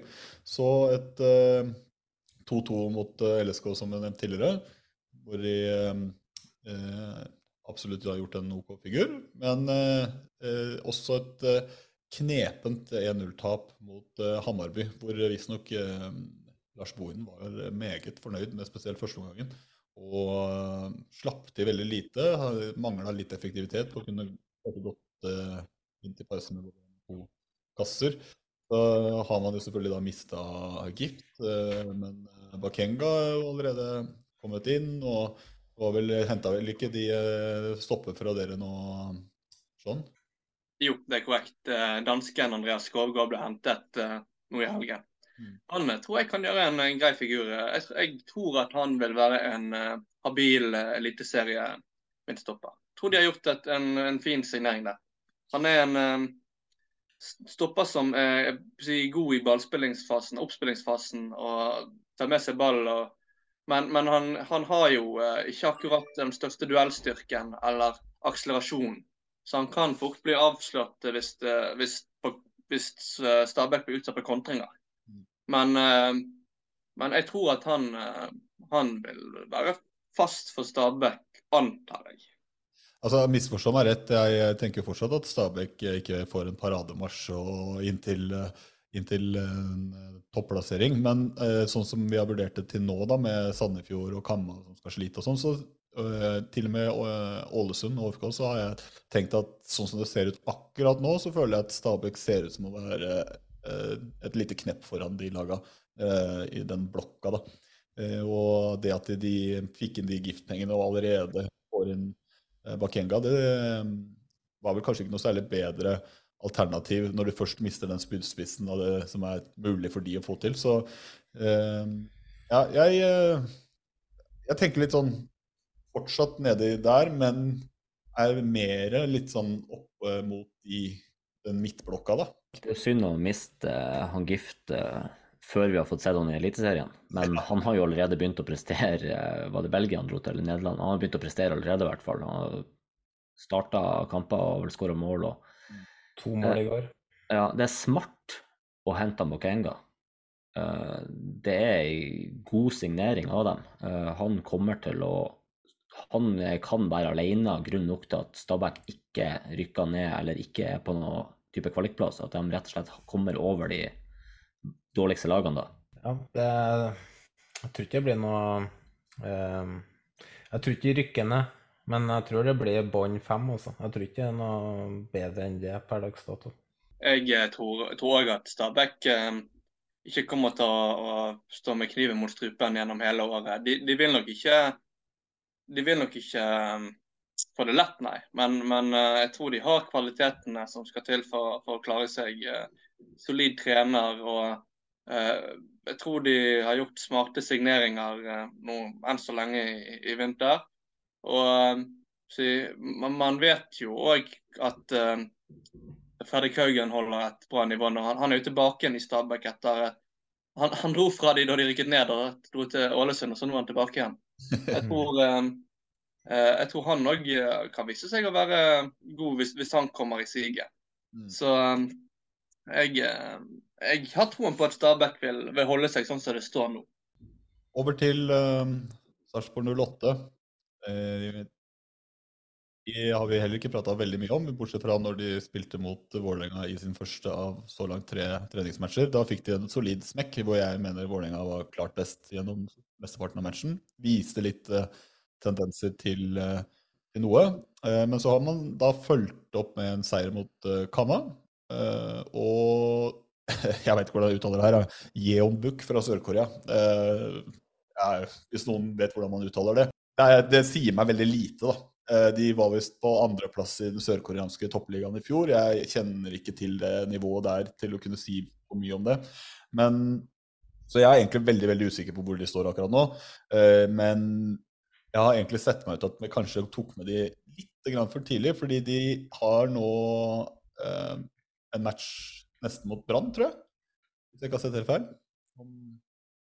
Om, eh, ja, om en, noen dager. Det er jo interessant, fordi eh, vi kan komme tilbake eh, til det litt etterpå. Men eh, da kan de få seg en ordentlig test, da. Og da har de også fått litt tid. Så akkurat nå er jeg veldig usikker. Jeg vet ikke med dere. Så vet du at Thomas Berntsen skal hente 74 spillere til før seriestart, så eh, det, er nok ikke, det er nok ikke ferdig handla. Nei. Ja, det skal godt gjøres å erstatte han Tobias Heinz, da. Ja. Det, og Saletros er ikke akkurat uerstattelig, han heller. Men eh, jeg er i hvert fall litt sånn Jeg må nesten vente og se litt til, jeg. eh, når jeg prøvde å lese meg litt opp. Og her kan, eh, kan eh, andre veien, altså. Men eh, Sarpsborg kan eh, komme på alt fra fjerdeplass til 14. Altså. det er nettopp det. Det er nettopp det. Så uh, den, uh, vi skal snakke mer om Sarpsborg uh, seinere, når vi har litt mer magefølelse, kanskje. Så uh, går vi bare videre på eh, Haugesund, som vi heller ikke har snakka altfor mye om. Eh, en av disse i uh, trematchklubben uh, starta med et eh, tap mot eh, Wolfsberg. Østerrikske Wolfsberg, hvis jeg ikke tar helt feil hvor de er fra. Så eh, har de klinka til med hele 3-0 mot Vard Haugesund og 2-0 mot Bryne. Så det er to eh, antatt eh, svakere motstandere hvor de måtte ha gjort jobben. da. Så det er greit. Men så er det jo dette Safaris ut-opplegget eh, som Det vet jeg ikke om de får til å erstatte, selv med de penga. Om de får, får, for, til det. Men eh, De hadde, last på Twitter i går, de hadde et overgangsbudsjett på 15 millioner før det salget. ok, ja, så det, de er helt ferdighandla, da. Nei, og det er jo litt eh, kontrast fra i fjor, da, hvor de ikke hadde penger. Så eh, det begynner å hjelpe på, på økonomien der òg. Så det, eh, det kan jo være veldig mye som endrer seg der, og det er litt sånn som Sarpsborg for min del, at det her kan jo gå alle veier. Eh, Jeg vet at de får seg en ny eh, gressmatte med noe plast, eh, 5 plast og sånn, som eh, skal visstnok bli veldig bra. Men eh, jeg bare tenkte jeg skulle slenge til det at de har eh, to litt ordentlige treningstest, eh, kamptester mot LSK og Tromsø litt senere nå. Men de starter sesongen nesten en måned før eh, mange andre med eh, Brann borte i cupen eh, 12. mars, og da får man jo eh, en pekepinn, for da bør du helst være rimelig klar, da. Jeg har jo en spiller i Haugesund, eh, tidligere Glimt-spiller, da, som jeg er veldig spent på i år. Eh, Sebastian Tonekti. Han er jo en tryllekunstner med ball i beina, men han har jo tidligere slitt med holdninger. Det er det ingenting å legge skjul på. at Grunnen til at han ikke lyktes i Glimt, var at han hadde ikke de rette holdningene til å faktisk være toppspiller. Nå så jeg han hadde uttalt at han ville, ville trykte og vise at han var verdig en plass på det laget. og Får han det til, så kan han bli en, eh, altså en liten magiker på kanten der for dem og kan skape ting ut av ingenting. Ja, Haugesund har jo tre Jeg er litt usikker på hvordan de skal spille i år. Om det er 4-3-3 eller 4-2-3-1 eller hva de spiller. Eh, Jeg mener jo Haugesund er en av de mest undervurderte spillerne i Eliteserien, i Kevin Krygård eh, på midtbanen. En spiller jeg ønska meg litt til Rosenborg, eh, faktisk. Um, enorme stats eh, fra fjor, både med og uten ball. Det er Egil Selvik i mål, som jeg syns er veldig merkelig at Glimt ikke har eh, vært på. Han har vært en perfekt erstatter for eh, Haiken. Det har vært på en tidligere, riktignok. Men det som er spørsmålstegnet med Haugesund i år, det er de tre på topp. Og Da tenker jeg på kantspiller Samuelsen, eh, Tonekti og så Søderlund i, i midten her. Søderlund blir 36 år i august. Han skåra fire mål på 25 i fjor. Martin Samuelsen ett mål, hadde én assist på 18 i fjor. Og Tonekti har vel egentlig aldri levert på toppnivå. Men de tre er nødt til å prestere. Og hvis de tre presterer, og alle tre gjør det samtidig, da eh, blir det makrellfotball borte der, altså. Makrellfotball er st- start. Eh, Helvete. Silda i i, i Haugesund. Men apropos eh, makrellfotball og Start, så, eh, så har de vel fått tilbake igjen han godeste Joakim Holtan som var på utlån i, i Start. Har ikke de det? Eh, Joakim Holtan, Haugesund tenker på nå? Ja, ja. Og de har fått han tilbake igjen fra lån. Og han, han gjorde det ganske greit for, for Start i fjor høst. Men står ikke på spillelista foran meg her nå. OK. Nei, da er det kanskje jeg som, jeg som roter. Men, men jeg mener at han var på um, utlån eh, fra Jo, jo, han er tilbake. Ja. Stemmer. Det er godt vi har en gjest som eh, passer på oss. Ja. og han eh, men, men, han, men, men han vet jeg i hvert fall at uh, mange Start-supportere som er lysten på å få tilbake. Så det kan jo hende at han er litt sånn type som akkurat faller igjennom på toppnivå og, og heller går tilbake igjen til, til Sørlandet. Men han er, han er spiss, han, ikke sant? Ja, det stemmer.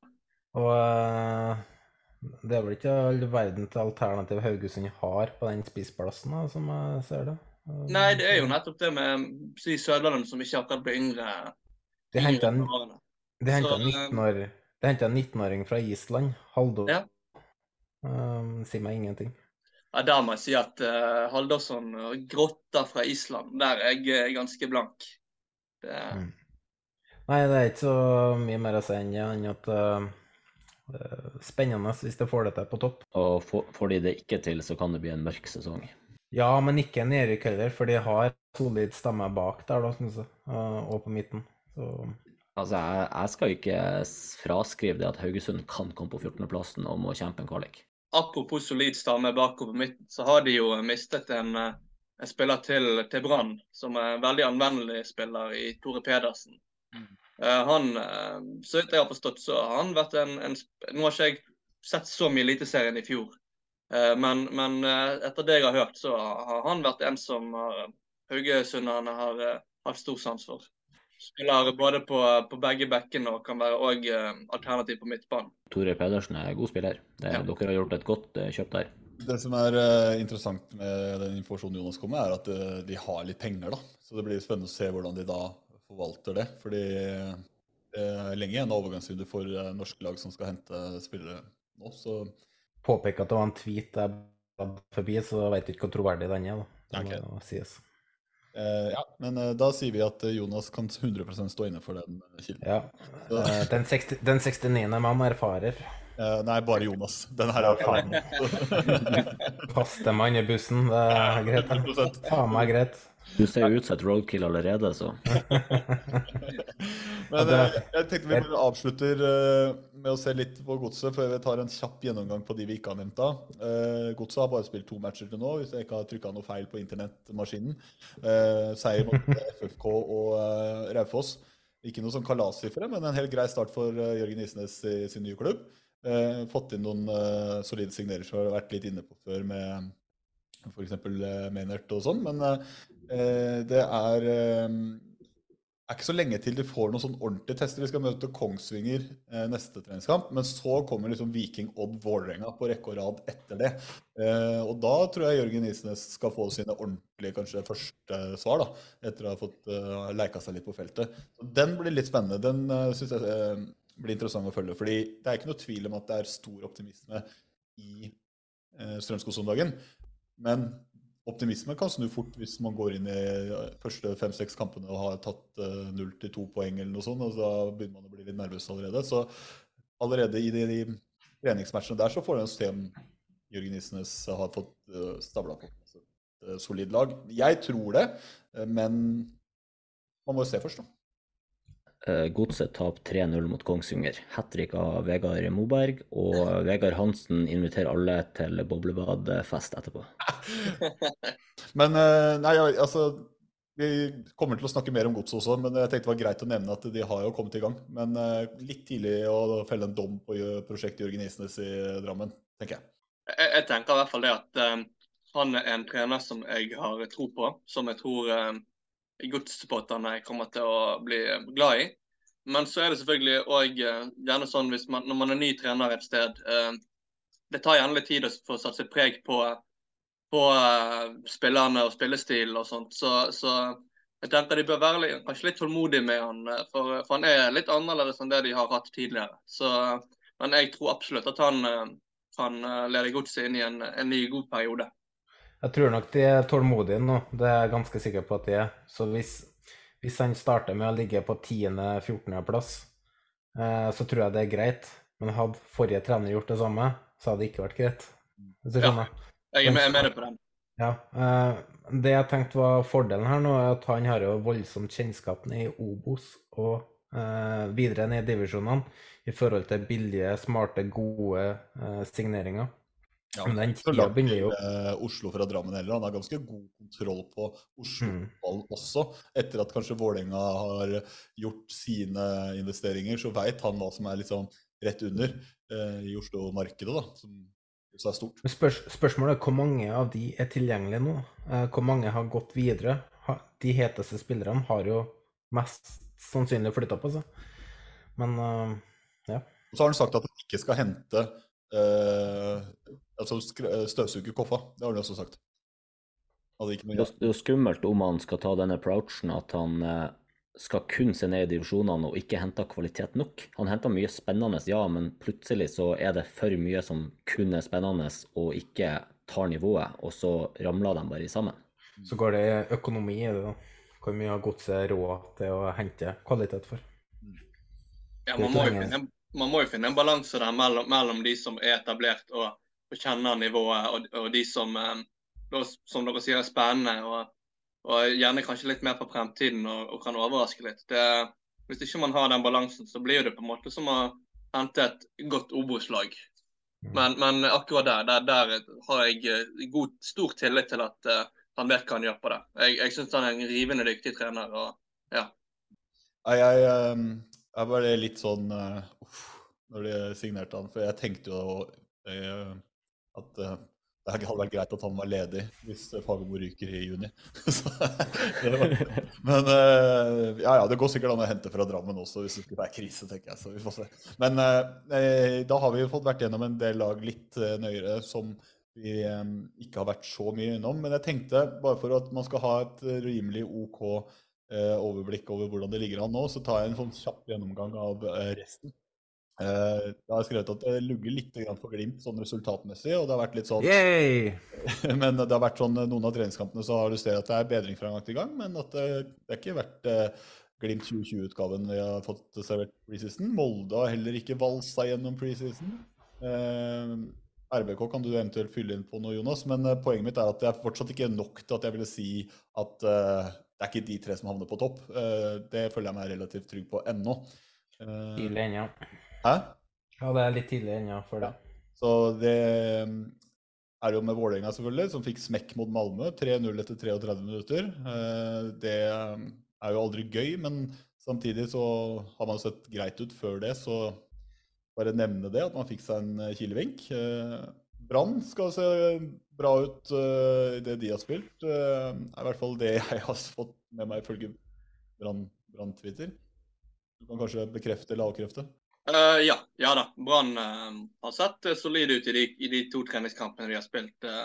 Mot Hammarby så skårer man jo fem mål mot et ja, forholdsvis reservepreget Hammarby. Kanskje en halvparten av laget til Hammarby kunne vært i nærheten av å starte i Allsvenskan. Men også et par sånne klønete feil som er lett å rydde unna defensivt. Mot Ålesund Ålesund har jo, står jo litt ribbet tilbake etter fjoråret. Mm. Så, men et, samtidig så syns jeg kanskje ikke man skal legge litt for mye i de to treningskampene der. Men, men det er jo eh, i hvert fall ingen grunn til å være mer negativ enn for en måned siden. Nei, og det er litt det som var poenget mitt også. Så kommer det noen tester for Brann også. Det er jo tidlig sesongstart med cupkamp hjemme med hjemme mot Haugesund og sånn. Mm. Og det blir eh, Vi skal få noen svar før Eliteserien eh, tikker i gang. Eh, Jeg har også bare lyst til å nevne at etter at de hadde Viking på besøk, så har det tikka inn et par gode resultater for de også. Og optimismen er litt tilbake rundt det sportslige i Viking, så det kanskje man bør vurdere at de er kanskje litt nærmere topp åtte enn bunn åtte, sånn som vi tenkte sist. eh, Hvis vi skal liksom tenke blokkfordelinga her. Men eh, så har jeg også nevnt det som du Eller har med det som du nevnte sånn om at ÅFK ser eh, Det har jeg både fått fra Jonas Grønner forrige episode, men også mye Brann-Twitter som så den matchen, at det så rimelig trist og grått ut. Det var LAN-fotball, men uten, uten å egentlig være spesielt bra heller, hvis jeg forsto det rett. At det var, liksom, det var den dårlige utgaven av kjip fotball. Så- Ja, ja. Det var litt sånn eh, den fotballen som vi så av LAN i slutten av hans brannperiode. Ja. Men uh, så- nå er det jo um, spennende å se om, om han uh, klarer å få sving på Ole Martin Kolskogen. da. Det var jo han som ga en gjennombrudd i Eliteserien. Uh, Har ikke lykkes i verken Brann eller Jerv de siste um, to-tre årene. Så nå skal han gjenforenes med LAN, og håper virkelig at han, at han får ta det neste steget. Nei, altså Det er ikke, det er ikke over for Ålesund heller, men det, det, er kanskje ikke helt der de hadde um, Man kanskje hadde tenkt at uh, man skulle vært etter å ha etablert seg. Det er litt sånn ja, det, er ikke, det er noen spørsmål her, da. Kan si. Hva, hvilken utgave av Ålesund får vi? Så. Um, det, det, det, har jo ikke sett bra ut siden det solgte Sigurd Haugen, egentlig. Men vi skal ta mer om uh, Ålesund også seinere, men det var greit å nevne. Sandefjord forventer vi jo strengt tatt fortsatt kommer til å få det tøft. Eh, vi skal snakke med noen Sandefjord-folk etter hvert også. Så jeg bare nevner at eh, jeg personlig ville ikke justert noe basert på det jeg har sett til nå. Eh, men Tromsø er det da siste laget som vi ikke har snakket så mye om. og Der er det jo mange spørsmålstegn om dagen. Det er jo tre store spillere for de som har dratt. Denne Napoleon-Romsås-sagaen har jo gått den ene og andre veien. De er i hvert fall på jakt etter forsterkninger. Det er, sånn, det er en grunn for at ikke vi ikke går så inn på de nå, for det er en del spørsmålstegn rundt hvem får de inn, og hvordan ser Tromsø ut som tikker i gang. Det tror jeg vi må vente litt til med å se. Men vi skal komme nærmere inn på disse lagene som vi ikke gikk inn på nå, og så tar vi tar vi opp tråden, men da er det i hvert fall nevnt. Ja, takk. ja, Vi kan vel avsløre at det er planlagt en Tromsø-gjest om en episode om noen uker, da. Ja, det skal vi få til. Så vi skal følge opp de som ikke fikk for mye taletid her nå. Men det er greit å gi en liten status om hvordan det ser ut som de helt, helt enkle trekk, da.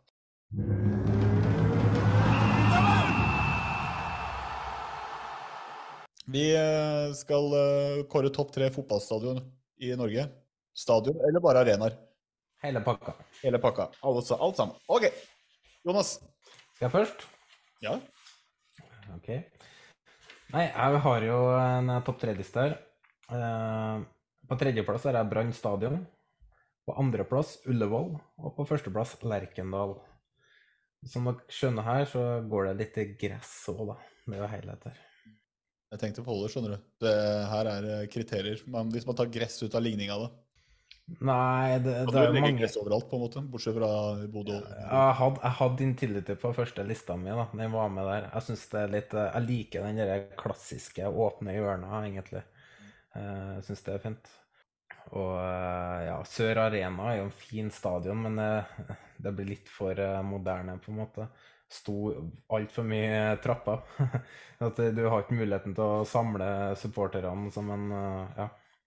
Nei, eh, men eh, med, med kunstgress gress så er de tre stadionene der ganske høyt opp, da. Men Intility datt nok ut pga. Uh, kunstgress. Sånn. Ja, jeg uh, har jo uh, selvsagt sett på de samme kriteriene. Vi, vi, vi som støtter gresslag, vi må jo stå sammen. Um, men jeg har, jeg har, valgt å utelukke egen klubb av inhabilitetsårsaker. Uh, Får være så fin på det, du da. Herregud. Her er det bare å kjøre på. ja, men det, det sier jo seg sjøl at jeg hadde satt um, egen klubb på topp hvis ikke. Så um, nei, uh, hvis man ser vekk fra egen klubb, så tror jeg at jeg vil gi den til tre. Åråsen, to Lerkendal og én Ullevål litt jevnt mellom uh, Marienlyst og Åråsen på tredjeplass. For, for meg så er det samme stadion. ja. Samme by òg, spør du meg. Så det... men, men det var, at, at, det er samme stadion, det er egentlig et kompliment, da. Frankie? Yes. Uh, det eneste jeg valgte å utelukke uh, når jeg valgte stadioner, var kjøpte stadionnavn. Ergo så faller Intility, Sparebank Sør Arena og SR Bank Arena de faller ut. Selv om at jeg synes at alle de tre pene stadionene de faller ut pga. Eh, kommersielt navn. Eh, Fredrikstad og Åråsen var de som var closest og kom på lista, men kommer akkurat utfor. Så topp tre hos meg er fra tredjeplass Marienlyst, andreplass Brann stadion og førsteplass Lerkendal. Takk. Da jeg har, jeg har, to lister. Den ene lista er basert på hvor jeg, har, hvor jeg trives best på, og, som syngende supporter. så blir det eh, Bislett, Ullevål, Intility. Men eh, det er den uoffisielle lista, så den eh, tenkte jeg bare tar den. Men jeg har også faktisk tenkt på dette med eh, Jeg er også eh, egentlig gressforkjemper. En av mine store drømmer er at eh, man kommer seg litt unna den der avtalen på Intility og kan få lagt ei gressmatte. Så jeg har prøvd å tenke eh, at det veier i hvert fall opp, da.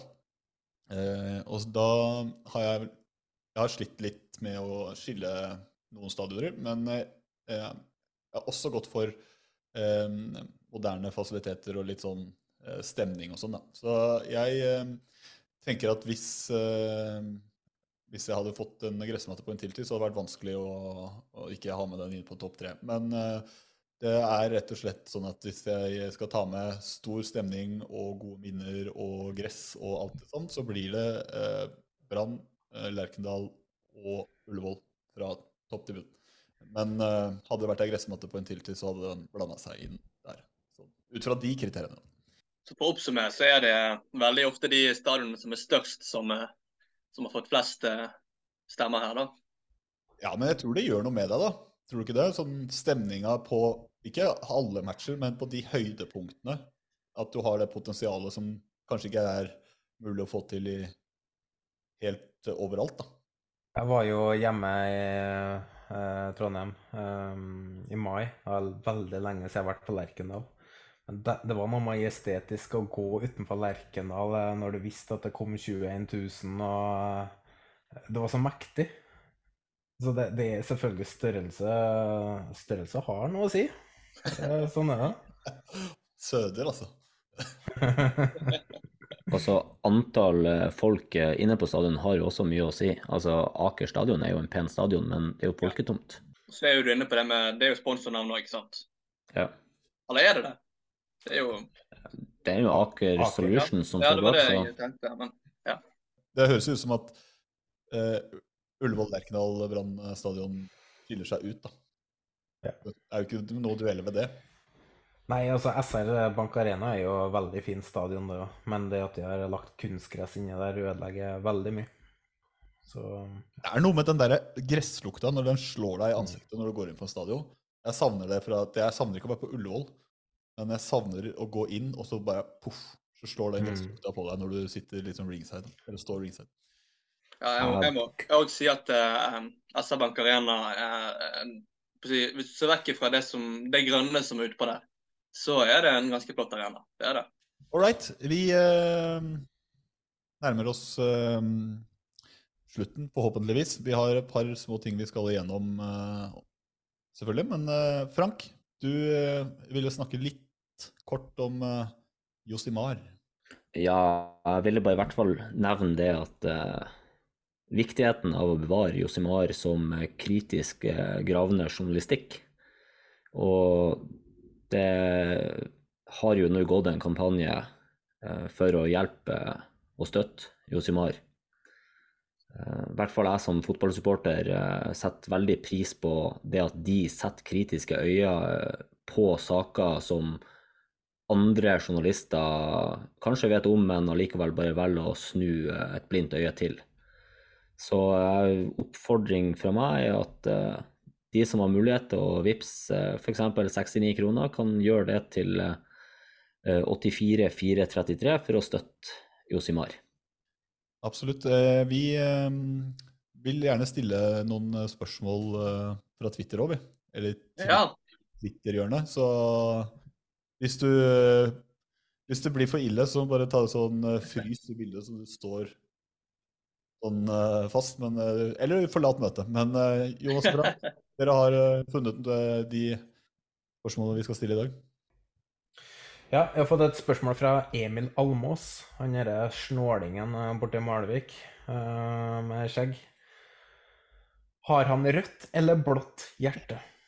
Hei, Emil. Um, ja, uh, det er jo uh, sikkert et uh, spørsmål som er myntet mot at jeg driver med litt politikk og eh, at jeg er blå der. Men eh, som alle andre ikke-kongelige, så er jeg nok, eh, har jeg nok et rødt hjerte. I motsetning til han Molde-supporteren der.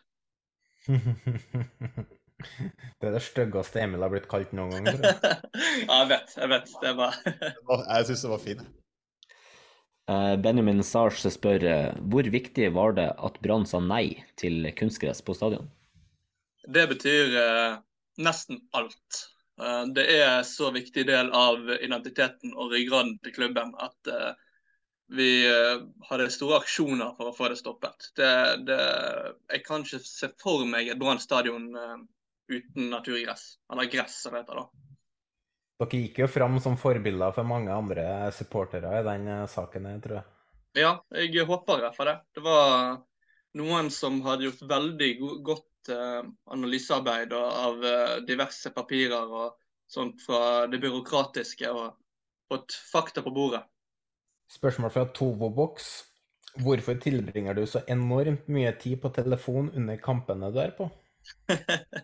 Det, det er vel fordi de eh, kampene de er ikke så spesielt underholdende. Det er um, 95 sesong på, mål på en sesong, det er ikke nok. Nei, fra spøk til alvor så eh, er det faktisk ikke noe med rot i virkeligheten. Det I hvert fall ikke på brannkamper. Hvis jeg hadde gått på en breddekamp, eh, beklager Åsane, eh, så er ikke det fremmed for å trekke frem og sjekke andre resultater eller tippe, tippelappen hvis det, hvis det er noe annet som pågår. Men over det jevne så, så er det ikke noe jeg kjenner meg igjen i. Torje Boge Østvik spør vil du helst døpes som Bukka Sjån eller Sjån Bukka? Eh, Det er litt eh, vittig, for at eh, senest i natt til i dag Nå skal jeg ikke hive han under bussen, men da fikk jeg en snap der det var på en bar der det sto Sambukka, så x antall kroner bak. Men nei, jeg er jo ganske svak for ordspill, så det blir jo Sjån Bukka, da. Glenn Tustervatn. Hvilken klubb i Norge har den mest oppskrytte fanbasen? Oi. Her, må må litt på, her skal vi trakke litt på tær. Uh, nei, uh, hvem som er mest oppskrytt? Det er jo det er iallfall ikke Molde, for det er ingen som skryter av det uansett. Eh, jeg, tror faktisk kanskje jeg må si Viking. De er gjerne møter opp i store kvanta når det, er- når det er medgang, men med en gang motgangen kommer, så, eh, så er det bare gift. Det, det er sånn inntrykket jeg har hatt, men det gjelder ikke de som alltid er der, da. Det Nei, nei, nei, nei. Men, men det, i motgang, da det er veldig mange tomme seter der. Ja, er ja. Altså, man, man har jo alltid en, en fast eh, stamme eller en base som, som vil være der tjukk og tynt uansett. Men eh, jeg føler at de har De har kanskje større andel medgangssupportere enn noen andre klubber. Vet ikke, nå synser vi litt, men eh, ja. Yes, eh, Kurva Vest spør eh, hva var grunnen til at du stilte i kåpe og finstas under cupfinalen for kvinnene, noe han ikke ville gjort om herrene spilte? Og så, tilføyer han bruker du kvinnfolk som en arena for å skaffe deg høns? Meget godt spørsmål der. Men eh, jeg, først så kan jeg jo si at jeg hadde definitivt gjort det samme hvis det var herrene som hadde spilt. eh. og om jeg bruker kvinnefotball, som arena for å skaffe meg høns, da tror jeg det knapt finnes noen andre arenaer i eh, verden det, som er mindre tilrettelagt for å skaffe seg eh, høns. hvis det Altså, bleikfeite menn i baris, det, det er det man treffer mest i, i fotball. Men eh, jo Du gleder deg til å komme til Bodø da? Ja, ja, ja. ja, det blir det stas, det. Um, ja, kåpe og finstas. Du, det tar jeg faktisk som kompliment. For det at denne her eh, mye omtalte kåpen som jeg har fått litt, eh, litt uh, hets for Ikke hets, men fått blitt meldt litt, da. Det er rett og slett så mye som en regnjakke. Jeg, eh, Shout-out til, eh, shout-out til uh, jakkeprodusenten Bergen. Um, og uh, Nei, vi var jo borte i Oslo på cupfinale. og Når man drar til Oslo, så må man jo stille med regnklær. Det, vi er ikke så vant til det her borte i vest, men uh, når man- reiser utenfor Bergen, så det, må man være forberedt på alt. Uh, og um, Bergen. ja, Solbyen. Men, men eh, Eh, nei, det er jo òg sånn at uh, når man er på en cupfinale, så er jo det ganske staselig. Det Brann er jo ikke akkurat bortskjemt med gull de siste årene. Og det er første gangen man fikk mulighet til å feire i min tid som myndig. Så fippe seg litt opp eh, når man skal feire the double, klubbens første the double. Så Det syns jeg bare er på sin plass. Og Det har det definitivt gjort under herrelag òg. Så eh, ja, cupfinale er fest. Og høns. Eh, Tim, Timb spør ja eller nei til VAR. Ja, Der eh, hørte jo jeg i første episode at dette ikke skal være en podkast der man skal uh, vise veldig mye tid til VAR, så jeg kan vel egentlig bare si ja. Ja til VAR. Mm. Det Jeg, klipper- eh, jeg er litt klipper sånn bort, klipper bort Snorre.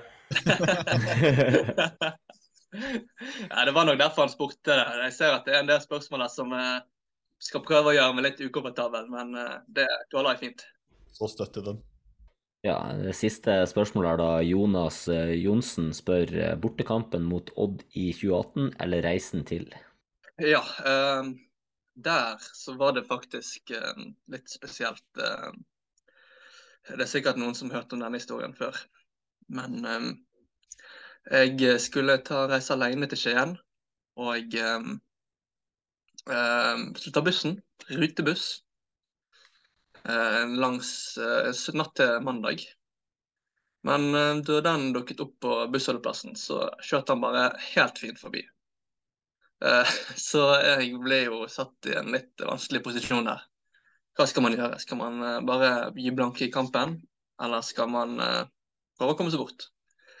Så jeg ringte en taxi. Jeg skulle følge etter denne bussen. Den um, bussen det, det er sånn at når man skal til Skien fra Bergen, så er det flere veier man kan reise. Den ene den uh, må man ta ferge for nå. Den andre går uh, si over fjellet. Ja. Så um, bussen den skulle selvfølgelig ta fergen. Og den skulle nå på knappest mulig margin. Så her endte det opp med at jeg tok eh, taxi fra Bergen til Odda. Tre timer, tre-fire timer unna. Og det ble ganske dyrt. Og så eh, Jonas, da han eh, jobber i Bergensavisen. Så jeg lurer på om det var han som laget en sak om eh, den fine reisen min bort til Skien. Men eh, det var en eh, fin kamp, da. Det, det må sies. Hvor dyrt ble det? Eh, Det ble vel 4000, tror jeg. Fy faen. Borte, bortekamp i Champions League, det liksom ja. Eh, Ja, sant. Og da eh, Åssen gikk kampen? Ja, vi vant. Å ja. Og det var 30 grader i Skien den dagen, så det var fint. Må jo bare hylle eh, supporteren i deg som faktisk gjør det her. Det er jo nydelig. Jo, takk for det. Og så burde det være fastpris på sånne taxireiser. 6969 kroner. Ja. Eh, Men eh, så var det jo eh, sånn at jeg ba jo om reiserefusjon fra busselskapet som hadde gitt blanke i meg. Men det var ikke hele beløpet de ville betale tilbake igjen, dessverre. Så jeg fikk litt refundert. Da var vi så å si ved veis ende. Tusen hjertelig takk, Sean, for at du ville være med oss og prate i det som skulle være en kort episode, og som ble nok en Nok en uh, normal. Fy faen, vi er gode på det der. Ja, nei, det blir alltid. Det er det siste jeg sa til uh, samboeren, at uh, ja, vi er straks ferdig. Det, men jeg kan ikke love noe. Det var, men, nei, men jeg var veldig glad du er med. Jo, takk, takk. Det var, det var grådig hyggelig å få lov til å være med òg. Og skal ikke se bort ifra at jeg kan si ja igjen. Det, det var hyggelig å endelig få snakke med dere utenfor uh, si telefonen. Det er noe med det. det er noe med det. Vi er uh, hyggeligere, i hvert fall Jonas er mye hyggeligere i uh, ansikt til ansikt. Så, men, uh, Nei, jeg hadde ikke noe negativt inntrykk av noen av dere uansett. Så. Neida, men vi, eh, vi setter pris på besøket. Det var artig å eh, både prate litt seriøst og litt fjas, som Ja. vi alltid gjør. Men eh, vi eh, avslutter som alltid med en eh, liten takk til eh, Vestfold Lydstudio og Jinglemaster Jonas. Jesper Horten Kjærnes. Og eh, takk til alle som sender spørsmål, takk til alle som hører på.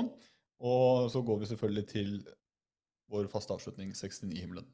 Jeg vet veldig lite om Kasper, både som person og spiller. Det gjelder nok eh, også nesten alle andre i Norge. Så istedenfor å lage en sånn der koselig historie om en eh, karriere jeg ikke kjenner, så, så gjør vi det enkelt. Rett inn! Hvorfor? Spiller med 69 på drakta og er i Norge for å score. Både på og utenfor banen. Det er ikke mer som skal til, din jævla legende. Kasper Høeg, velkommen til 69-himmelen, hvor opp er ned og ned er opp, og til Norge for øvrig. Ah, ah.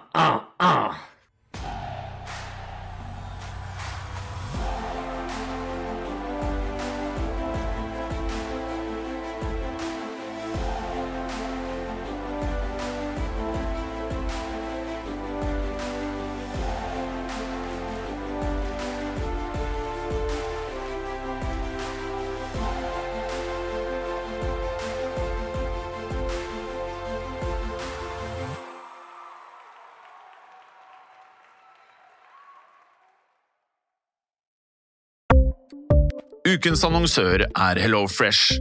HelloFresh er verdens ledende matkasseleverandør og kan være redningen i en travel hverdag. Mange av oss har nok vandret i butikken både sultne og uten en plan for middagen, som ender med at vi går for de samme kjedelige rettene gang på gang. Middag burde være dagens høydepunkt. Som HelloFresh kan du nå velge mellom 25 ulike retter hver eneste uke, eller få HelloFresh til å sette sammen menyen for deg. Dette gir deg muligheten til å prøve nye og spennende retter alene eller sammen med familien. Du velger antall porsjoner og får alt levert på døren på et tidspunkt som passer for deg. Oppskriftene er enkle, og maten er lett å lage både for store og for små. Ved å få alt levert hjem får du også mer tid til å dele matgleden med familie og venner. Kanskje det frister med asiatiske tacos eller greskinspirert kylling? Da kan jeg anbefale deg om å gå inn på hellofresh.no. Her kan du bruke koden FOTBALL og få opptil 1779 kroner i rabatt på de første fem matkastene hvis du ikke har prøvd HelloFresh tidligere. Du kan også bruke rabatten hvis du har vært kunde og stoppet abonnementet ditt for tolv måneder siden eller lengre. Gå inn på hellofresh.no og bruk koden FOTBALL. Ukens annonsør er Folio, en smartere banktjeneste for deg som har en egen bedrift eller ønsker å starte for deg selv. Folio er en superenkel nettbank for bedrifter. Som kunde i Folio får du en bedriftskonto med et bedriftskort og app. I denne appen er det smarte løsninger som forenkler regnskapet ditt, uansett om du har en liten bedrift eller et enkeltpersonsforetak. Folio er både intuitivt og brukervennlig, og er laget med et enkelt språk. I tillegg tilbyr de forutsigbare priser og ingen skjulte gebyrer. Skulle du likevel trenge det, så kan du snakke med deres raske og hyggelige kundeservice, og der får du prate med en faktisk person og ikke en chatbot. Folio er med andre ord både enklere og koseligere enn banken. Over 10 000 bedrifter har allerede valgt Folio som sin banktjeneste, så besøk folio.no og se hvordan Folio kan forenkle din hverdag også. Har du et enkeltpersonforetak eller en liten bedrift? Da er du sikkert lei av å høre meg snakke om hvor enkelt det er med kvitteringer og bilag i fiken, så vi eh, gir oss her, vi. Fordi vi liker enkelt. Fiken superenkelt regnskap.